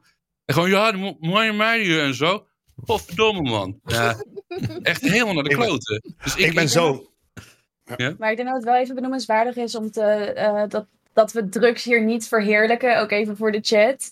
Eh, zeker aangezien er bij ADE al bericht naar buiten zijn gekomen dat er eh, drie mensen op de IC hebben gelegen, waarvan er al twee zijn overleden tijdens het ADE-event. Ik ben het wel met je eens, Denise, dat verheerlijken nee. Maar ik vind wel dat eh, de. Mijn mening, en dat heb ik ook wel vaak al verkondigd. Ik vind wel dat het eh, stigma eraf mag. Want het slaat natuurlijk nergens op dat, eh, weet je wel, dat we de, de grootste harddruk eh, alcohol eh, verkopen overal. En dat dat allemaal maar sociaal geaccepteerd is. En dat we eigenlijk soort van compleet arbitrair over bepaalde middelen heel moeilijk doen. Wat uiteindelijk alleen maar de criminaliteit in het zadel helpt. En het onveiliger maakt voor mensen. Want het is namelijk niet iets. Heel eerlijk, er is geen plek op de wereld. waar drugs niet net zo snel is als een pizza, zeg maar. En het is overal bijna illegaal. En op veel plekken nog veel illegaler dan hier. En dat houdt het kennelijk totaal niet tegen. Die war on drugs werkt voor geen meter. Dus mensen gaan het toch doen. Eh, en je stelt ze eigenlijk alleen maar onnodig bloot aan, aan risico's en aan gevaren. eh, door dat zo in de schaduw te houden. Dus ik ben wel echt een groot voorstander van. Ik snap dat het een heel complexe situatie is. Maar decriminaliseren, punt 1. En eh, legaliseren, punt 2. Ik ben het met je eens. Een pil te veel maak je geen crimineel, 100% niet. Maar het is wel zo dat we het wel de afgelopen tien jaar, en daar ben ik het eens met Denise, zijn het wel danig erg aan het verheerlijken op Instagram, TikTok en waar je ook maar kijkt. Het hoort er gewoon bij. Als jij naar een feest gaat en ik ken wel mensen die zeggen nee, ik doe geen harddrugs. Dat je bijna denkt, "Oh, ik gebruik je geen harddrugs, geen snuifje, geen pilletje, geen... eh, wat de hel is dit? Dan hoor je er niet bij. Maar het is ook bij mensen die niet drinken. Dat wordt er ook heel vaak aangekeken van... "Huh, drink je niet op een feestje? Wat ongezellig. Weet je, dat soort dingen. Hetzelfde met roken. Maar, Maar het is wat... Het is wat, wat daar... Ja, zeg het maar. Nee, ik wou zeggen, het is erg dat alcohol dat niveau heeft, maar dat harddrugs dat niveau ook bereikt, vind ik juist heel erg. Maar ja, het is juist niet... Maar je kunt juist... juist als je zegt, je wilt, je wilt zeg maar, het gevecht tegen alcohol aangaan of zo, dan moet je als, als eerste voor ecstasy-legalisatie zijn. Want wat Daniel denk probeert te zeggen, de opiumlijst, dat is echt gebaseerd op niks. Dat is lukraakheid, zeg maar. Er is niet dat ze alle drugs naast elkaar hebben gelegd en aan de mate van ernst hebben gekeken van dit doen we wel, dit doen we niet. Dat is gewoon door een, ja, van die judeo-christelijke juryleden hebben die zeg maar gezegd, dit doen we Overgewaaid uit Amerika ook. Ja, en ecstasy is aantoonbaar in alles minder schadelijk als alcohol. Het is minder verslavend. Als je zegt, we moeten naar de IC's kijken. Kijk je maar eens gewoon überhaupt naar een IC. Naar een gewone uh, uitgaansavond in Amsterdam. Als je kijkt naar de alcohol-gerelateerde doden. Als je kijkt naar, uh, en naar ecstasy-gerelateerde doden. Dat is een... een dus niet eens... Dat is geen, nog geen promiel. Ja, in de promielen moet je dan denken. Niet in de percentages. Ervan. Ja. Ja, ik vind persoonlijk, wat ik net al zei, alcohol echt eh, een van de hardste harddrugs die er is. Het, het, het verbaast mij dat daar zo volledig normaal over gedaan wordt. En ik zie mensen in bepaalde toestanden. Laat ik het zo zeggen, die mensen die uit dat feestje uh, kwamen, die dan worden vastgelegd door Poont en Telegraaf. Daar komt allemaal, ja, ze zien er apart uit. Maar er komt allemaal nog wel een coherent en samenhangend verhaal uit. Uh, en mensen die compleet Lazarus zijn, uh, ja, dan denk je echt van waar, op welke planeet ben jij, zeg maar? Die hebben zichzelf totaal niet meer in de hand. Maar ook naar de sfeer. Als je ook naar sfeer kijkt. Alcohol, zeg maar. Als je naar geweldsdelicten krijgt, aan vernielingen. Dat is. Dan is uh, drugsgerelateerd geweld of vernielingen. zijn gewoon volledig verwaarloosbaar. En ik snap. Als je als, je, als Bardo zegt. Je bent gewoon, je wilt gewoon. Het beste is als je het allemaal niet doet. Dan is het geen goed om, argument om te zeggen. Luister, alcohol is legaal, dus dit ook. Als je zegt gewoon het is allemaal slecht, dan is alcohol mag ook, is geen goed argument inderdaad. Dat is waar. Maar zijn, je bent wel meten met twee. Want ik ben het met je eens dat hoe het nu is in de doofpot, dat is heel slecht voor de normale recreatieve gebruikers. Die moeten gewoon kunnen genieten. Die moeten een leuke avond kunnen hebben. Neem je snuif, neem je pil, maak er een leuke dag van. Hoe ik oordeel niet. We leven in een maatschappij waar het individu moet kunnen zegenvieren. Een miljoen procent. Alleen hou er wel rekening mee. Want ik heb toen uh, ik in mijn half jaar in de kliniek heb gezeten. Dan zie ik echt mensen terugkomen van een vrij weekend. Zwaar getraumatiseerd. Hè. Die krijgen dan door hun, door, of door hun brievenbus heen geduwd. De aanbiedingen van de Albert Heijn. Over de alcoholaanbiedingen van een kratje bier. Wat zo goedkoop is. Kijk nou, de goals is dit, de dat is dat. En ook in die tijd in de kliniek werd ook op een gegeven moment online gokken gelegaliseerd. Waarna ze op een gegeven moment op weg naar de kliniek terugfietsen. Waar we met z'n allen een halfjaartje moesten zitten achter slot en grendel. Waar je echt niet naar buiten mag. Rij je langs de Bedway, de Bed City, de Bed dit, blablabla. Beter bed, al, elke bed kan je verzinnen die daar voorbij komt. En dat is echt gewoon, ja, sorry, ik niet moeten roepen, maar dat is mensonterend voor die mensen om ze te triggeren. Dus je kan het legaliseren, maar ik zou eerder willen zeggen, ga er ook voor zorgen dat je op scholen en zo de juiste voorlichting geeft. Ook over media, dat als je een pilletje op hebt, hoe je langs de media kan lopen, ze kan ontwijken. Ook dat je hoe je het kan gebruiken, want dat gebeurt nu niet. En daar mag wat aan Nou ja, gebeuren, en maar de- niet legaliseren en in de bushokjes hangen. Wat, nee, maar kijk, ik denk ook niet dat legaliseren. Maar eh, uiteindelijk is het wel, wel. zo dat Nederland. Nou, kijk, de vraag is hoe doe je dat dan toch? Eh, in Nederland de hadden wij. Een, als enige aanbieder, zou ik zeggen. De overheid Ja, ja, ja. als enige aanbieder. nou ja, en natuurlijk eh, het ook proberen te ontmoedigen. Ik bedoel, we hebben uiteindelijk de, het aantal rokers ook enorm omlaag gekregen. Door gewoon mensen te wijzen op de gevaren. En door, eh, weet je wel, dat gaat uiteindelijk gaat dat echt naar een verwaarloosbaar percentage. En dat is gewoon door het geld wat je ermee verdient. eh, terug te stoppen in ontmoedigingsbeleid en eh, gezondheidszorg en dat soort dingen. Ehm, en inderdaad, je mag er geen reclame voor maken, dat soort, dat soort dingen allemaal. Maar eh, ja. Wat ik hoorde, de overheid is de enige aanbieder. Dat is toch al keer op keer gefaald gewoon. Dat is nu toch ook met de hele staatsloterij Toto. Dat hun alleen maar zichzelf Ja. op de vingers moeten tikken. De overheid Maar- zegt tegen de overheid niet meer doen. Nou, ik zou juist zeggen dat het een. Want ik ben helemaal mee eens met eh, hoe kansspel, eh, eh, de reclame, dat dat nu ingeperkt wordt. Is, dat, dat gaat nu gebeuren en dat is heel belangrijk. Maar je zou juist kunnen zeggen. De overheid had een, een, een volledig monopolie op het aanbieden van, van, laten we zeggen, het casino. Hè? Kansspelen mocht al, je had speelautomaten halen. Op online, dat hadden wij dan niet in Nederland. Nou, dat is gekomen. De overheid die had ook bijvoorbeeld het alleenrecht op het promotionele kansspel. Dat mocht, ook, eh, dat mocht ook nergens anders zonder vergunning. Nu krijg je juist, omdat we het uit de hand hebben laten lopen, dat de overheid zichzelf eindelijk eens gaat corrigeren, de kansspelautoriteit. Mhm. Nu gaan ze zeggen: oké, we hebben het uit handen gegeven.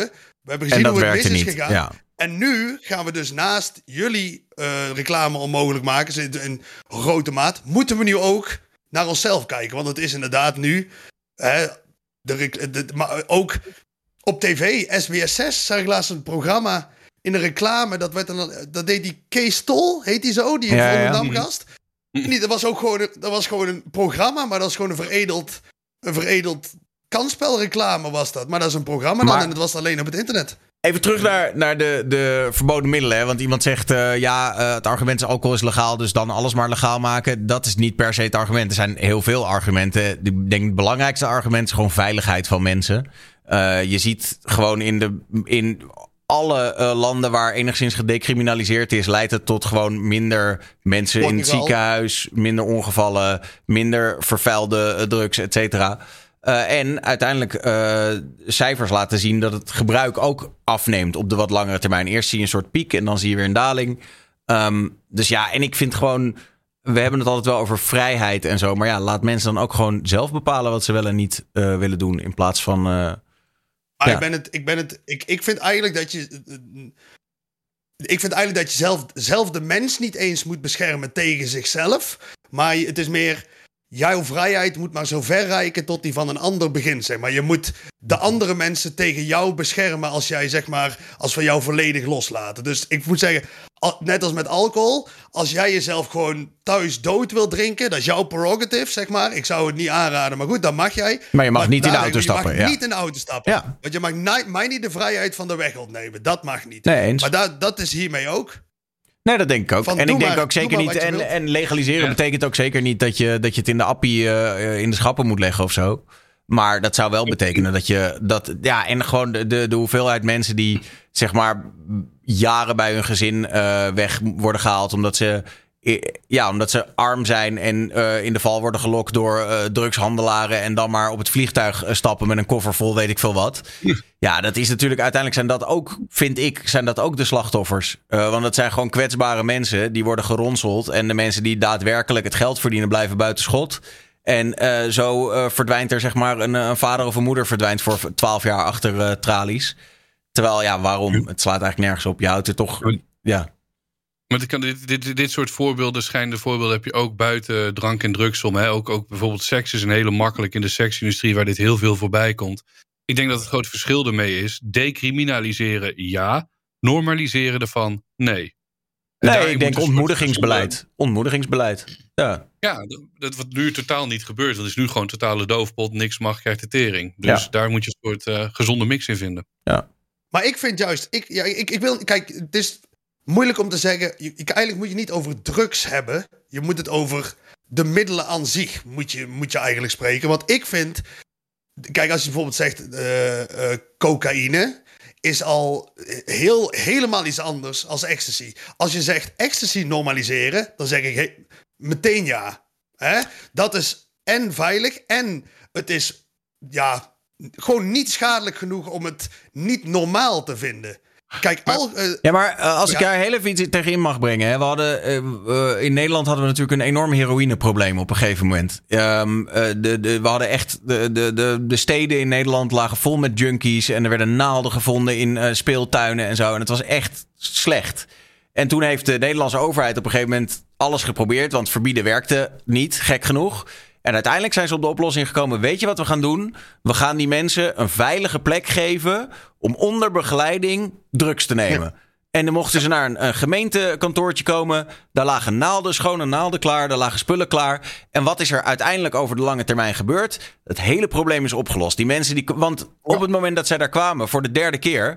dan kwam er even een sociaal eh, eh, medewerker kwam naast ze zitten. En die sloeg ze even een, een, een arm om de schouder. Van hey, hoe gaat het nou echt met je? En wordt het niet eens tijd dat we je op weg helpen naar een beter leven?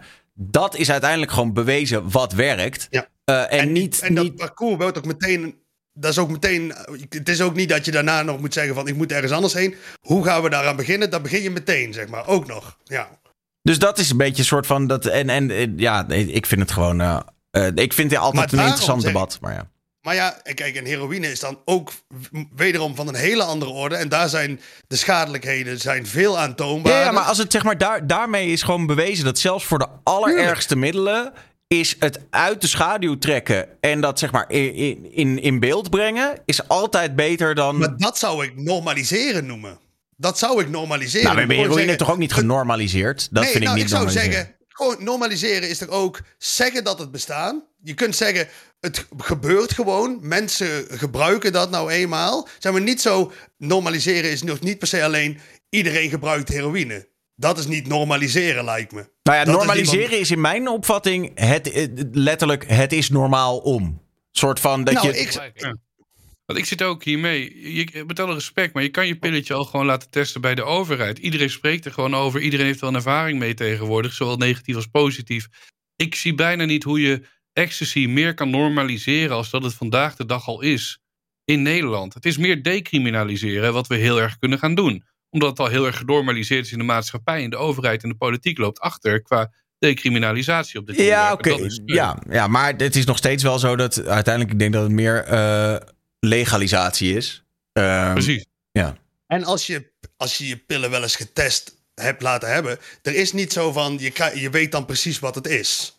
Dat is, het, dat is het ook niet. Het is nog steeds een soort rough draft. En meestal is het ook zo van, wij weten ongeveer wat dit is. Dus dan we- weet je, het komt uit deze serie, zeggen ze dan bijvoorbeeld. Of er is, er is, aangetoond dat er dit in zit en dit. Maar het is vooral inderdaad MDMA, dus je kunt het gebruiken. En dat is dan nog steeds, het is beter dat je het doet dan dat je het niet doet. Maar het zou nog beter zijn, want kijk, ik Kijk, het is nu ook een beetje een, een discussie over semantiek geworden. Want Mhm. Bado, jij en ik kunnen ongeveer hetzelfde zeggen. Maar we hebben het nu over decriminaliseren en normaliseren. Dus oké, maar ik zou jij zeggen, normaliseren, dat helpt het ook voor mensen die er wel aan verslingerd zijn. Dat ze niet voelen, ik heb nu zo'n schaamte dat het mij overkomen is. En omdat het zo... ehm, dat, is, dat je zo met de nek wordt aangekeken en als junk wordt gezien, dat je dan niet om hulp durft te roepen, zeg maar. En door het te normaliseren, tussen aanhalingstekens, en te zeggen: wij gaan zo om met heroïne, hier zijn de plekken. En dan, hè, dan als je dan toch sneaky mensen van een verslaving af wil helpen, ja, doe het op die manier. Maar normaliseer het en maak mensen niet bang. Stop ze niet in een hoek. Zorg dat ze hulp kunnen krijgen als ze dat behoeven. Ja, en haal gewoon. En, en, en, stigma meer erop, bedoel je? wat zei je? Gewoon geen stigma er meer op. Nou ja, Ja. ik denk dat nog steeds. Kijk, het- je mag nog steeds wel duidelijk zeggen, denk ik. eh, we hoeven niet naar een maatschappij toe waarbij zeg maar, het, de, de normaalste zaak van de wereld wordt om op je achttiende eh drugs te gaan gebruiken. Helemaal niet. Alleen, ik denk dat ja, het huidige systeem werkt gewoon niet, toch? Het is tijd voor iets beters. Ehm, want dit werkt voor geen meter. Ik bedoel, als je. Ja, ik heb eh, een hele week op dat ADE rondgelopen. Nou, je zou denken dat het eh, verdomme met een, eh, eh, vanuit een Albert Heijn distributiecentrum wordt aangevoerd. Zo eh, wijd verspreid als het er is. Dat ik denk, ja, en dat is allemaal geld wat rechtstreeks in criminele handen vloeit. Ja, dat is toch te debiel. Ik bedoel, ja, eh, moet ook niet te lang hierop blijven hangen. Maar het, het kan mij gewoon af en toe echt kwaad maken als ik me realiseer dat de coffeeshops halen tonnen binnen. En de enige plek waar ze die tonnen kwijt kunnen is aan criminelen. Want zo hebben we het systeem ingericht. Dus je bent letterlijk op een soort legale manier... ben je bakken met geld eh, de criminaliteit in aan het pompen. Ja, ik, eh, het maakt mij ergens gewoon Maar- kwaad. Het is onveilig, het is eh, achterhaald, het, wil het wat werkt niet. toevoegen eh, hoe ze het hier doen. Ik zit namelijk in Noorwegen. En eh, als het gaat om alcohol vooral, het is allemaal eh, kleine winkeltjes die inderdaad van de overheid zijn. Ja. Je krijgt geen alcohol in eh, supermarkten, helemaal niks. Eh, het mag ook niet gepromoot worden met kortingen of zo. En als je alcohol gaat kopen, dan moet je ook je BSN-nummer geven. Dat ze kunnen zien hoeveel je eigenlijk drinkt. En eh, hetzelfde geldt ook voor tobacco. En is dat dan ook zo, uh, Gloske, al- als dan, eh, als dan dus eh, op, eh, zeg maar, stel jij eh, eh, gaat op een gegeven moment echt eh, vijf flessen wodka in de week halen. Eh, krijg jij dan op een gegeven moment ook een keer een bezoekje aan huis van iemand die gewoon aanbiedt om een gesprekje met, je- met je te hebben of zo? Weet ik niet. Dat heb ik niet meegemaakt. Ik weet niet wat, Wat- er dan gebeurt. als je een keer een feestje wil geven? dan. Nee, ja, maar het zal heus niet, het zal heus niet als het sporadisch een keer omhoog schiet of zo. Maar als jij natuurlijk in een jaar tijd eh, gewoon echt.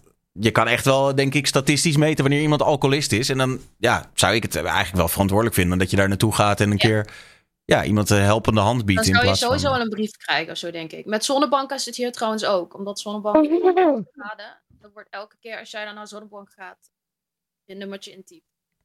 Gekeken hoe vaak je gaat. Nee, nee, het kan te ver gaan, vind ik. Hier, eh, hier vind ik dat we, dat we te gek aan het doen zijn. Hier trek jij de grens. Blijf van mijn nee, zonnebank. ik- Ja, nee. Ik had, nee, ja. Maar ik moet dan nog wel zeggen... Kijk, eh, ik woon natuurlijk wel in Brabant. En ja, ik vind ook niet dat we gewoon heel zo'n provincie kapot moeten maken... door ecstasy legaal te maken. Want er zijn hier gewoon nobele mannen en vrouwen... die doen hartstikke best met die stokerijen achter in de schuur. Die moet je ook niet allemaal een zakcentje ontnemen. Dus eh, we moeten ook een industrie in leven houden.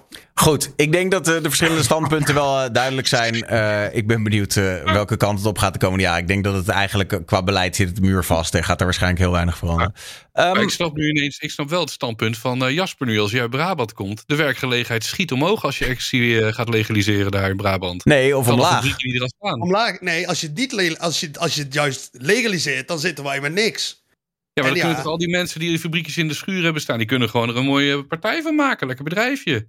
Heeft jouw Ja. oom of tante misschien nog een iets. Maar dan zijn het ambtenaren. Dan zijn het opeens ambtenaren. Hè? Dat ambiëren ze niet. Ze willen wel... eh, graag zwart hebben we het hier. Onze, onze inkomsten. Tja. Ehm, even iets heel anders. eh, maar Minecraft is op dit moment de populairste videogame aller tijden. Met meer dan 300 miljoen verkopen van de game. En dat is meer dan eh, welke andere game in de geschiedenis dan ook eh, heeft behaald. dat is wel echt iets anders. Dat is is echt iets anders. Ja, ja, ja, ja. Dat is het tegenovergestelde Ja, van het is drugs. gewoon bam. Helemaal niet, want je kan pufferfish eten op Minecraft. En dan kom je toch in een gekke haai terecht. Dat is echt niet normaal. Dus ik vind het een mooi bruggetje. Nou, Denise, dat moet ik wel zeggen. Je moet wel hiermee opletten dat we niet het normaliseren... dat we in, allemaal in Minecraft allemaal pufferfish eten. Ik kan Deze- het je wel aanraden. Het zijn kinderen die daar spelen en die moeten gewoon met een blokje spelen. Maar eh, nou ja, dat. Het is eh, voor zo'n simpel spelletje is dat toch aardig uit de hand gelopen. Pik je daar link tegen dat hij dat zegt? Nou, ik ben Minecraft heel erg dankbaar. Door jullie heb ik een gedeelte van het huis kunnen afbetalen. Dankjewel. Heel lief van jullie. Dat je een spelletje hebt gemaakt. Oké. Eh, Ander onderwerp. Eh, vliegschaamte was jullie misschien al wel bekend. Hè? Dat is dat je dus angst hebt om te vliegen of niet wil vliegen. Omdat ja, je... helemaal naar dat verhaal van jou net. Dat Je- durf ik helemaal niet meer. Ja, daar heeft het dan. Het is niet de angst voor poep. Het is vooral de angst voor eh, het natuurlijk verder naar de klote helpen van de planeet. Dus je hebt schaamte om te vliegen vanwege eh, het feit dat het het milieu naar de klote helpt. Alleen er is nu dus weer iets nieuws. Na eh, vliegschaamte is er nu ook baarschaamte. En dat is dus eh, dat je eh, geen kinderen wil krijgen. Omdat je je beseft dat een kind heel slecht is voor het milieu. Een soort eh, aftakking van anti, antinatalisme aftakking, zeg maar. Nou ja, dat, het, het- ik bedoel, Antina- ja. het staat letterlijk op de, op de site van de Telegraaf vandaag een heel artikel over baarschaamte. Eh, dat, dat mensen dus ja, eh, hebben gewoon zitten, zitten nadenken en denken: ja, de carbon footprint van een kind is wel echt gigantisch. Dus eh, Nou ja, er is al heel lang iets als antinatalisme. Dat is, al, dat is al jarenlang. Dat is niet alleen hierom. Maar dat is zeg maar wel. In, dat heeft dan bijvoorbeeld de reden van. Ik denk niet dat mijn kind een toekomst heeft in deze, in deze, op deze wereld, überhaupt. Met de staat van de wereld. Of dat je zegt. eh, überhaupt een kind krijgen. Dat is, heeft een soort morale zwaarte. Dat je iemand uit de, de stilte en reinheid van het niet bestaan trekt. En die, die zeg maar de aarde opsleurt. En zegt van. En nu ga jij het volgens de regels doen die wij gewoon met z'n allen verzonnen hebben. De ethiek daarvan. En ook een substuk daarvan is. überhaupt als je een kind krijgt. Dan, hè, dan dat is een. Dat is het ergste wat je. Voor het milieu is het het ergste wat je kan doen, ongeveer. Dat, dat, is, dat is wel zo. Nee, ik, ik vond het een heel goed verhaal, totdat ik hoorde dat de bron de Telegraaf was. Dan ben je voor mij direct dat ik denk, ja, lieve nee, het is niet de enige bron. Het is gewoon, het is alleen, zij hebben er toevallig een. eh nee, trouwens. Nee, maar eh, Telegraaf- Telegraaf is een topkrant, is mediahuis. Nee, is maar de Telegraaf doet dit juist, zodat al die mensen die dit lezen zeggen... "En Nou, is Sigrid Kaag nog steeds niet weg? Wat heeft ze nou weer verzonnen? Zeg maar, daar, is, daar doen ze dit voor. En wat is hier eh, vandaag in site toch leuk hè, met Johan Derksen? Hilarisch. Godverdomme. Nee, dat is Talpa. Ja, nee, maar dat is de Telegraaf. Vindt dat toch ook mooi, dat publiek? Die ene, de hoofdredacteur is er ook altijd in dat programma. Is dat zo? Ja? Nee, die, is- die, die zit er al niet meer. Van de sportredacteur. Nou ja. Nou, de Wierduk, Wierduk zit er graag. Nou, dat is Ja, ook... Dat is, ja. dat is zeg maar als een telegraaf... Als een telegraaf... Als, als een telegraaf zeg maar het monster van Frankenstein was. Dat de telegraaf zo stond. En die hadden een, een krant gereïncarneerd. En er was een jongetje geworden. Dan was dat Wierduk, zeg maar. Ja, die is wel Ja, echt eng. En Valentijn, Valentijn Driessen bedoel je misschien? De Ja, maar, dat, azijnpisser. Ja, Valentijn Driessen, die altijd alles Maar- kut vindt. maar dat is een sport, volgens mij een sportman. Niet zozeer een hoofdredacteur, volgens mij. Denk Nee, ik. maar, dat is wel Maar goed, mag ik even terug naar de baarschaamte? Nee, we gaan terug naar eh, Valentijn Driessen. Let's go. Nee, ga verder. Ja, nou ja, gewoon meer van. eh, de, de, denken jullie dat hier iets in zit? Gaat dit meer een ding worden? Gaan mensen zich hier eh, schuldig over voelen? Moet je je schuldig voelen als je een kind maakt? Nou, het is gewoon. Het, het is, kijk, het is al zo dat de. Kijk, mensen bijvoorbeeld die nog steeds inzitten over. Je hebt nog dat mensen nog steeds overbevolking bijvoorbeeld een probleem vinden. Maar overbevolking, dat probleem, is al volledig opgelost. Zeg maar. Je hebt nu juist problemen dat. ehm, zeker derde wereldbeschavingen, of eh, de, de, de, de moderne westerse beschavingen en ook zeker moderne Aziatische beschavingen, dat die een, een, een negatief eh, eh, groei. Er gaan er meer mensen dood dan dat er geboren worden. Zuid-Korea is volgens mij het grootste, de grootste kwaaddoener. Voor elke persoon die we verliezen, krijgen we 0,6 persoon terug, zeg maar. Dus het is al overal aan het gebeuren, zeg maar. Om, mensen en opgeleide raken, across the board, zeg maar. Maar mensen krijgen gewoon al minder, minder kinderen. Dat gebeurt. Maar het gebeurt ook met deze reden. Het klimaat is een heel grote reden. Niet per se omdat ze zeggen, oh nee, ik verpest het klimaat. Maar dat ze zeggen, doordat het, hè, de klimaatcrisis er is en we zien dat er niks aan wordt gedaan. Wij zadelen onze kinderen met de problematiek op die wij en onze ouders eh, hebben veroorzaakt. En daarom doen we het niet. Maar ik denk niet dat mensen zeggen van, oh, ik, ik ga het niet doen. Juist voor de andere mensen, maar juist voor jouw eigen kind. Die jij de problematiek niet wil geven.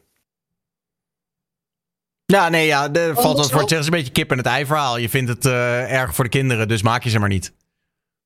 Ja, ja, maar niet, het is niet zo van, ik zie de buurman. Ik denk, ach, die arme man, die ga ik niet eh, even mijn kinderen aandoen. Maar ik heb ook wel, ik ben in beginsel antinatalist, maar ik ben hypocriet, want ik neem wel kinderen. Maar ik vind dat er een bepaalde, ook moreel Ja, heb je dat al in gang gezet, eh Chapa? Nou ja, ik probeer het wel goed, maar ik mik. Ben ik, oefenen, ik ben problemen met mik heb ik. Ja, ja, nee, maar ik, ja, ik ben goed, ik ben goed aan het oefenen. Ja. Goed. Ehm, ik neem wel kinderen. Ja, nou ja, eh, maar dat het je maar Oh, gegund mag nou zijn. gaan we het- ik bedoel meer, ondanks... Ja, we, kunnen hier wel over de ethiek van een kind krijgen het hebben. Want ik vind dus... Kijk, ik vind dat je als je eh, iemand geboren laat worden... Dat is zeg maar een, een moreel probleem. Ja, ik weet heeft- waar je naartoe gaat. Want iemand heeft er ook niet om maar gevraagd om op deze wereld eh, te komen. Ja, precies. Ja. Dat, Misschien- dat, Ja, Maar misschien voorstellen, mocht er nog een onderwerp komen van Daniel, dat Jasper en ik gewoon beloven deze keer niks te zeggen. Want wij Eh, hebben ik wil geluld, eh, Jasper. ik moet nog onder de zonnebank. Dus eh, misschien kan ik alvast gaan. We hebben zoveel geluld, verdomme. ja, jullie zijn wel... ehm, ja, Excuus. Ehm, nou, dan, eh, ik heb nog wel enigszins eh, serieus onderwerp. Ehm, want Tim Hofman was natuurlijk eh, in gevaar. Omdat er een man met een, een wapen naar, eh naar was gekomen. En die wilde hem neerschieten. En nu heeft Boos daar een hele aflevering aan gewijd. Ehm, nou ja, en ik zal gewoon gelijk maar mijn mening daarover geven. Ik vind dat eigenlijk een beetje krom. Omdat de conclusie is ook gewoon dat die man mentaal instabiel is. Dus hij, ja, hij, heeft gewoon, hij is duidelijk niet helemaal 100. En ik heb dan toch een beetje het idee alsof. Ja, ik weet niet. Ik, voor mijn gevoel kan je zo iemand die zoiets doet als die geestesziek is, eh, niet helemaal toerekeningsvatbaar achten. En ik vind dat, dat het een beetje een soort van flauw is.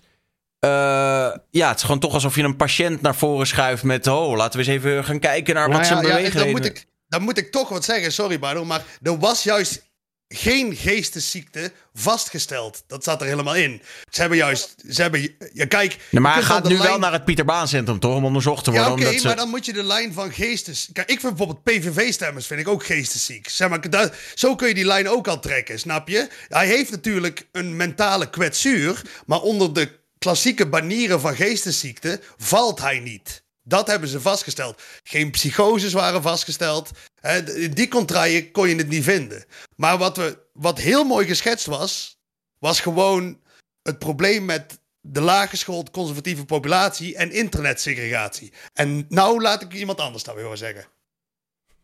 Ik, Ah, ik denk wel dat, dat eh, goed, eh, goed dat dit onderwerp wordt aangestipt. Want eh, ik denk dat, dat zo'n situatie alleen maar vaker voor kan komen. Als je kijkt naar sociale isolatie, wat, eh, wat alleen maar toeneemt. eh, de rol van, van social media, wat, wat eh, dit soort gedachten kan voeden.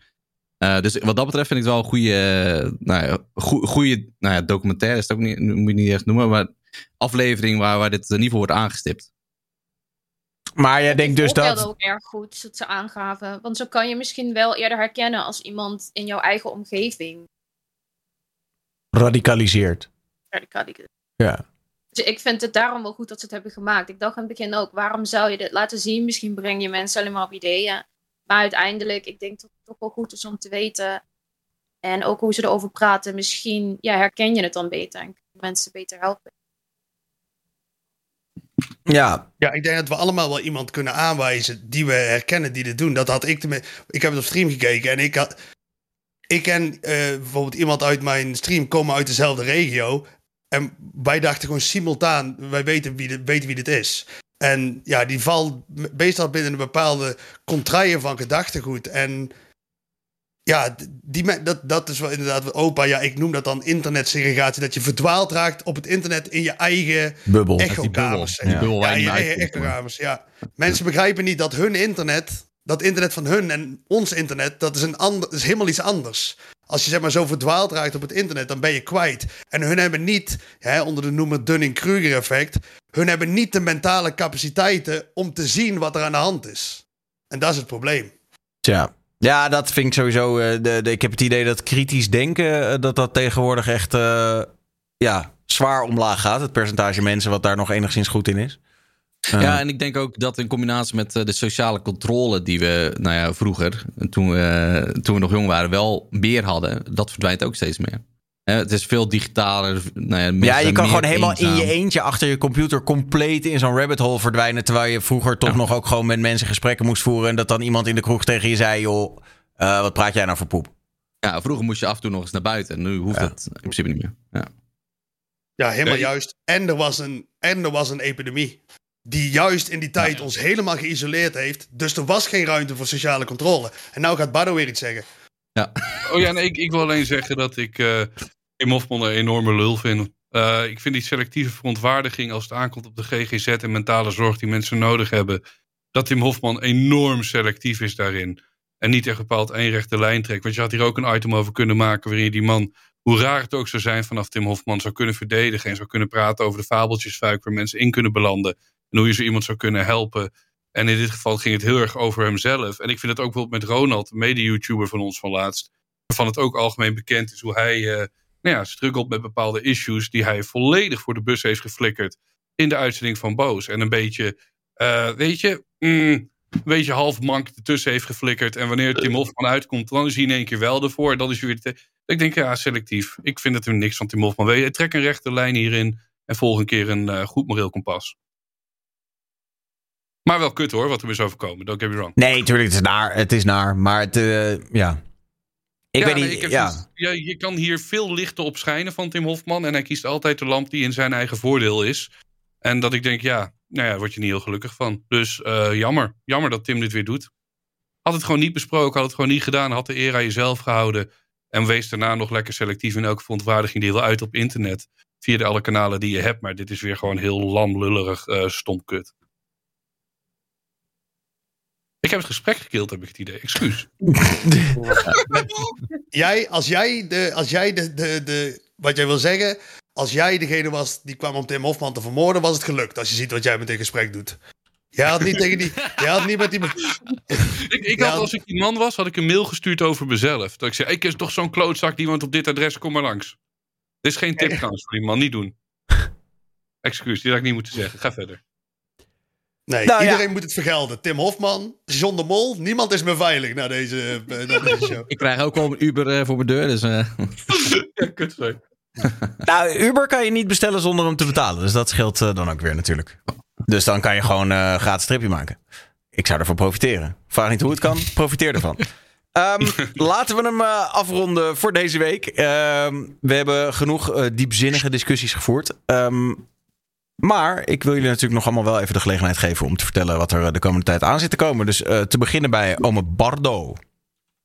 Ja, nee, eh, ik, ik ga lekker lobbyen bij de vakjury voor de beste productie. We gaan deze week, we hebben nu de hele nieuwe setup klaarstaan, die je niet ziet gelukkig. Maar sneeuwmachine, pingpongautomaat, alle, echt twintig apparaten hier die af kunnen knallen elk moment. Van ik denk, nee, tering, nou dat ging een pingpongbal. Ehm, excuses. Maar de, ge- eh, alles is nu in de handen van de kijker die alles kan besturen. eh, waar ik heel gelukkig van word. Dus eh, eh, ja, ik ga gewoon, nu gaat de regie over de hele het niet doen. Hij gaat weer af. Maar die gaat nu echt in de handen van de kijker liggen. Wat fucking dope wordt.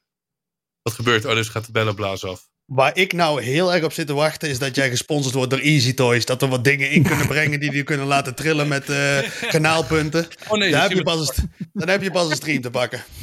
Goed. Ja, Eh, dat Ik hoop Twitch.tv dat slash... het een beetje vocht, eh, vocht eh, beschermd is trouwens. Met die bellenblaas. Maar... Nee, totaal niet. Ik heb hier ook een afdekcel naast me neergelegd. Want er is ook een sneeuwmachine nu.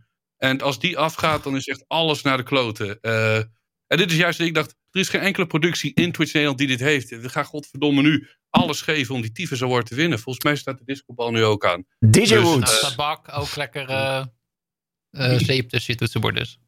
Ja, heerlijk. Binnenkort vlammenwerper. Let's go. Sorry, ga verder. Eh, DJ Woods, vertel, wat eh, zit er bij jou aan te komen? Eh, niet zo heel veel echt speciaals eigenlijk. Ehm, gewoon de reguliere streampjes die ik ga doen. En eh, we gaan er gewoon weer lekker, lekker weekje van maken. Lekker. Ehm, Vanessa, hoe zit het bij jou? Eh, de DSA komt er natuurlijk weer aan. Eh, dus ik ga dit jaar weer meedoen voor de beste talent. En ik moet eigenlijk... Ik heb nu nog een gehele Halloween overlay. Dus ik moet een gehele nieuwe overlay maken. Et cetera, et cetera. En een paar dingen voor de DSA eigenlijk inplannen. Daar ga ik voornamelijk mee bezig. Oké, nou cool. Succes. Mogen de beste winnen. Eh Gloske. Eh, yes, ik ben morgenavond weer online. En het is Halloween week. En ik vier het met alle passie. Dus eh, de hele week lekker een nieuw outfit aan. Nou, tof. Ben benieuwd wat je allemaal... Je zal eh, de kast alweer helemaal vol hebben gehangen. Mhm, Eh, Always. Denise, eh, wat eh, ga jij allemaal eh, uitspoken op eh, Kik? Ja, ja, ik ga natuurlijk gewoon weer lekker live op Kik. Ik denk dat ik nog een eh, ja, Halloween special ga doen.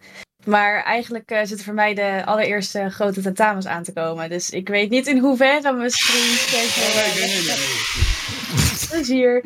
Ehm, in hoeverre mijn stream schedule fantastisch gaat zijn. Eh, want ja, tentamens zijn ook belangrijk. Maar ja, dat. eh, dat. Nou, succes met de tentamens en eh, met de stream ook. Ehm Linky. Ik ga lekker verder met eh, Mario Wonder waarschijnlijk op stream. Ik vind het wel een leuk spelletje. Ik wil hem lekker 100% uitspelen. En deze week eh, komt ook een nieuwe Among Us mappie uit. Dus we gaan waarschijnlijk weer met een, eh, een groepje streamers gaan we dat weer eventjes eh, uit de dood brengen voor een sessie.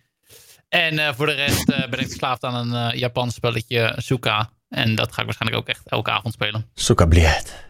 Yes. Ehm Oké. Twitch.tv slash linktijger. Chapeau 0. Nou, als we hier mogen zeggen welke awards we gaan winnen, dan wil ik graag een Streamer of the Year en non-gaming, als ik die alvast mag, eh, mag eh, reserveren. En eh, dan ga ik, ja, ik ga niet, ik heb, moet dingen doen een beetje deze week, dus ik ben er niet heel veel. Want ik ga eh, via deze, die heb ik bij deze talkshow heb ik leren kennen, ik ga met Milan Knol een video opnemen. Oh, ik heb een duimpje op mijn scherm opeens, ik weet niet of die er nog staat. Dus ik ga ook mijn YouTube debuut maken. Spannend. Heel spannend. Dus dat. Maar maandag, dinsdag en vrijdag ben ik er, want ik moet donderdag tatoeëren. En dan gaan we John de Mol weer bedanken, drie dagen achter elkaar, dat die lang leefde liefde op YouTube heeft gezet. Eh, Twitch.tv slash chapeau 0. En eh, last but not least, ik ben het, je opa.